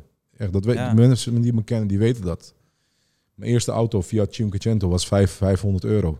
Nou, die verkocht ik uh, een maand later voor 1000 euro. Nou, dus ja. Handel. Handel, wat mijn moeder zei. Ja. Handel. Dat, eh, en, dan moet, en dan moet iemand, uh, die tijden was de minimumsalaris dan 1200 euro. Nou, dan dacht ik, oh wacht, als ik dit nu twee keer in de maand doe, heb ik al een maandsalaris. Dus, maar je moet het wel kunnen, durven en uh, willen, snap je? Ja, ondernemen. Zeker. Ja. Dus, uh, maar ik ga echt niet hier zitten roepen van je moet ondernemen, stop met 9 tot 5. dat ga, ik, dat ga ik niet doen. En ik heb uh, zoveel respect voor mensen die dat doen. En ik ken ook mensen die wel van 9 tot 5 werken en die het ook gewoon heel goed hebben. En die ook, ook vermogen zijn. Maar die zijn minder, zeg maar. Dan, dan, uh, relatief, dat is relatief minder dan iemand die ondernemers en vermogen hebben. Ja. ja, maar dat is ook uh, wat we zeiden inderdaad. Van, het gaat er meer om van als je alle keuzes helder hebt. Ja. Kijk, mensen vinden keuzes maken natuurlijk ook van nature al heel erg moeilijk. Maar ik denk altijd bijvoorbeeld als ik hier nu twee blikjes cola voor jou neerzet ja. en ze zijn allebei lauw, dan maakt niet uit welke je pakt. Maar is er één koud en de andere is lauw, dan maakt het wel uit. Ja. En zo werd het met dit soort dingen ook. Maar als je het niet weet, ja, dan kijk, kijk je naar die blikjes cola en denk je, ja, wat is de betere keuze? Ja, weet ik veel. Ik zie het niet eraan of dat ze koud of, uh, of lauw zijn. En dit is een heel simpel voorbeeld, maar zo gaat het voor veel dingen natuurlijk. Van als je weet wat de voor- en nadelen zijn en wat jij zelf intrinsiek wilt. Dus zoek ik zekerheid of zoek ik risico? Eh, snap je? Zoek ik 9 tot 5 of zoek ik misschien in het begin wel 6 tot 10 wat je in het begin ja, zei. En dan 6 tot 10 s'avonds. Ja. Dan kun je voor jezelf de keuze maken, de afweging van oké, is het me dit waard of niet? En ik denk dat dat is wat we hier ook in deze podcast doen. Um, ik ken het wat je zegt. Ja. Dat stukje voor jezelf geven, dat jij die keuze goed kunt maken van hé, wat past er bij mij en waar zou ik uh, blij van worden? Want ik denk dat we dat wel kunnen vaststellen en dat, daar begon je mee. Uh, we leven in Nederland. Ja. Ook al zijn er inderdaad ook dingen die nog steeds beter kunnen, dat zal altijd zo blijven. Maar in principe hebben we het heel erg goed. We hebben heel veel kansen. Absoluut. Dus ik denk dat we die juist zouden moeten benutten in plaats van. Uh... Dat uh, wil ik dan ook maar nog even kwijt als het mag. Uh, veel mensen klagen wel over Nederland. Maar ik denk dat uh, Nederland toch een van de beste landen is om te wonen in Europa. En veel dingen. er zijn dingen wat beter kunnen, natuurlijk, absoluut. Maar er zijn ook heel veel dingen wel goed geregeld hier. Uh, tuurlijk kunnen er, maar dat heb je overal. Dat de dingen beter en anders kunnen. Maar uh, ja, en de belastingen zijn hoog. Maar ja, uh, weet je, als je, als je het maar weet. Als je weet wat de belastingen zijn, dan kun je daarop van tevoren voorbereiden bijvoorbeeld. Ja, precies. En dan ja. weet je het. Ja, maar dan moet je niet klagen. Ja, maar de belastingen zijn toch... Nee, maar, ja, maar dat zijn de regels. En ja, je leeft hier. Dus dan heeft het geen nut.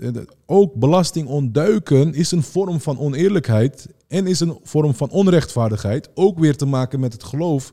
Ik vind dat niet kunnen. Heel eerlijk. Ja, Ja. Dan kan ik niet slapen. Zeg ik je heel eerlijk. Kijk Dus- je dat dan ook, eh, ik moet hier even op terugpakken, Ja. dat snap je, maar je zei van dat heb ik vroeger wel anders gedaan. Hoe kijk je daarop terug dan? Hoe bedoel je dat ik vroeger heb anders gedaan? Nou, toen zei je van ik heb een tijdje zwart gewerkt en zo, toch? Ja, maar dat was 16. On, dat, dat, dat- dan Ja. neem ik mezelf niet kwalijk. Nee, nee, ik precies. ga Dan... niet de belastingdienst bellen en zeggen van... hé, hey, ik heb op mijn 16e... Nee, nee, maar ik ben gewoon benieuwd hoe je dat Ja. dan Maar op interpreteert een gegeven van... ja, op een gegeven moment, als je 16 bent, is je geloof nog niet zo ontwikkeld, zodanig. Ja, Snap je? Dat eh, vanaf je 18e en 19e ga je, naar, ga je naar veel meer lessen. Ik ben ook heel in mijn jeugd naar lessen geweest.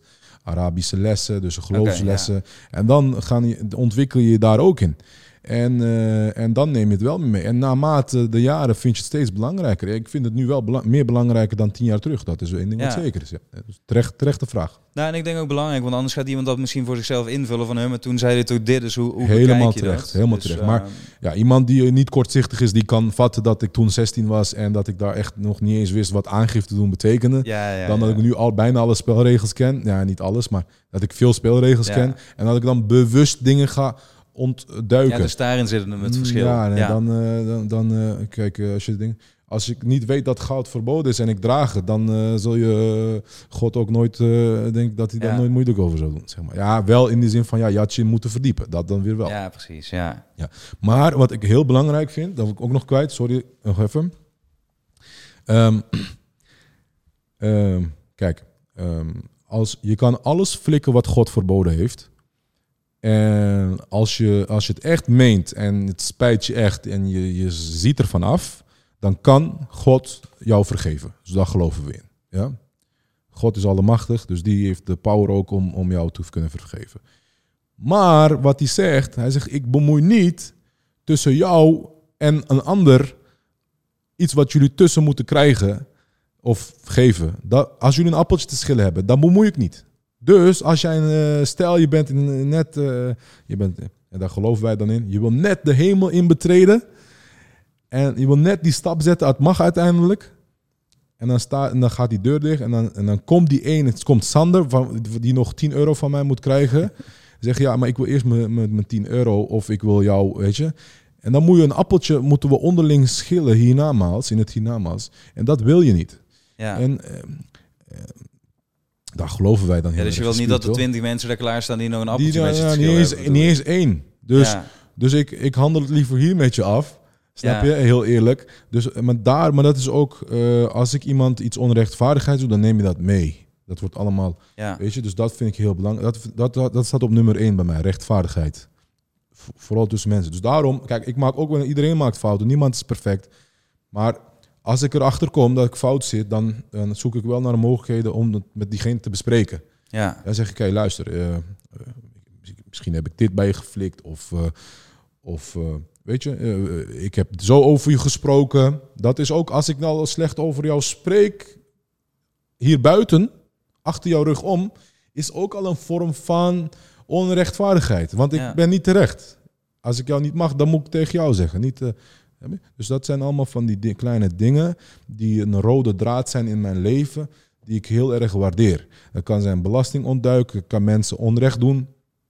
Ehm, ik kan ook, oké luister, ik kan ook een auto heel goedkoop importeren uit Duitsland, waarvan de helft van de belastingen niet is betaald. En een auto van 200.000 euro voor, 100, eh, voor 150.000 euro hier krijgen. Dat lukt me wel. Maar ik doe dat niet, want ik weet dat ik me moet verantwoorden hierna. Ja. Snap je? En misschien word je zelfs hier gepakt. Dan ben je ook dan ben je dubbel. eh, snap je? Ja, ja maar Dus- daar, en daarom vind ik dit interessant, want dit zei ik eerder al tegen je. Kijk, ehm, geloof ik, niet geloof ik, ik, ik maak er in ieder geval geen onderscheid in, jij Nee, ook niet. nee. Ehm, in ieder geval niet hier in deze bank. En uiteindelijk kan iedereen hier learnings uithalen, want rechtvaardigheid en eerlijk zijn, dat is voor iedereen belangrijk. Ja. Doe je dat niet, ga je sowieso tegen problemen aanlopen in je Ja. leven. Ja. En daarom denk ik dat het interessant is om voor elkaar open te staan en je erin te verdiepen van hé, wat kan ik hier nou zelf uit meenemen? Ja. Of je nou wel of niet dat label erop plakt, maakt verder denk ik eh, in ieder geval nogmaals voor mij niet uit. Nee. Maar als je kijkt wat kan ik eruit meenemen en in mijn eigen leven toepassen. En waar zou ik nou iets aan hebben? Die open blik, dat open vizier. Dat maakt denk ik letterlijk een wereld van verschil. Ja. Ehm, en daarom vind ik het wel mooi dat we het hierover hebben. En dat je ook uitleg eh, wilt geven daarover. Ja. Want dan is het nogmaals een ander. De keuze is vrij. Doe je er iets mee of niet? Ehm, dat Ja. maakt niet uit. Ja. Maar het is in ieder geval wel verteld. En je weet van het bestaan ervan. En vanaf dan wordt het een bewuste keuze. Hebben we net eh, verteld. Juist. Ja, absoluut. absoluut. Ik ga je bedanken, man. Ja, Ik geen wil dank. je bedanken dat je het vertrouwen voelde om hier voor de eerste je verhaal te delen. Ja, Eh, want ik weet dat dat niet zomaar een gegeven is. nee, absoluut. Uh, dus dank je wel daarvoor. Ik eh, dank je ook en ik hoop dat mensen hier echt een, eh, een, ja, inspiratie en motivatie uithalen. Misschien een les, waardevolle les, ik weet het niet. Kijk, eh, tijd schiet tekort, woorden schiet tekort om sommige dingen te benadrukken. Ja, En we kunnen nog natuurlijk over allerlei soorten dingen hebben. Maar inderdaad, het was voor mij wel een, een eerste drempel om überhaupt een podcast mee te doen. Dus dank, dank je wel voor deze mogelijkheid ook. Ja, heel erg graag gedaan. Ik vond het heel erg fijn dat je er was. En je zei net van, hey, als je hier nou iets uit hebt meegenomen, een les, een inzicht, wellicht ook iets over jou geleerd wat ze nog niet wisten, zouden wij het heel erg tof vinden als je er even een reacties laat weten. Juist. Want heel ja. vaak denken mensen van alles. Ja. Maar is het voor ons heel moeilijk natuurlijk om erachter te komen wat je dan denkt of wat je Juist. nou zo mooi vond om eruit mee te nemen. Ja, nou ja, ik adviseer vooral, vooral eh, mensen als ze vragen hebben, eh, laat dan vooral een reactie achter hieronder. Ja, En dan kunnen, zal ik eh, zeker de tijd eh, nemen om, eh, om ze te proberen te beantwoorden. En eh, wat je bij podcasts vooral ziet, is dat ze een klein stukje snippet pakken, terwijl ze de hele context van het verhaal missen. Ja, ja. Dus dat is ook even belangrijk bij podcast. Dat bij alle podcastkanalen raad ik dat aan. Dat gewoon, als je podcast kijkt, probeer de context wel te vatten. top man. Kleine tip. Dankjewel. Dankjewel. Ja, ik zie je weer.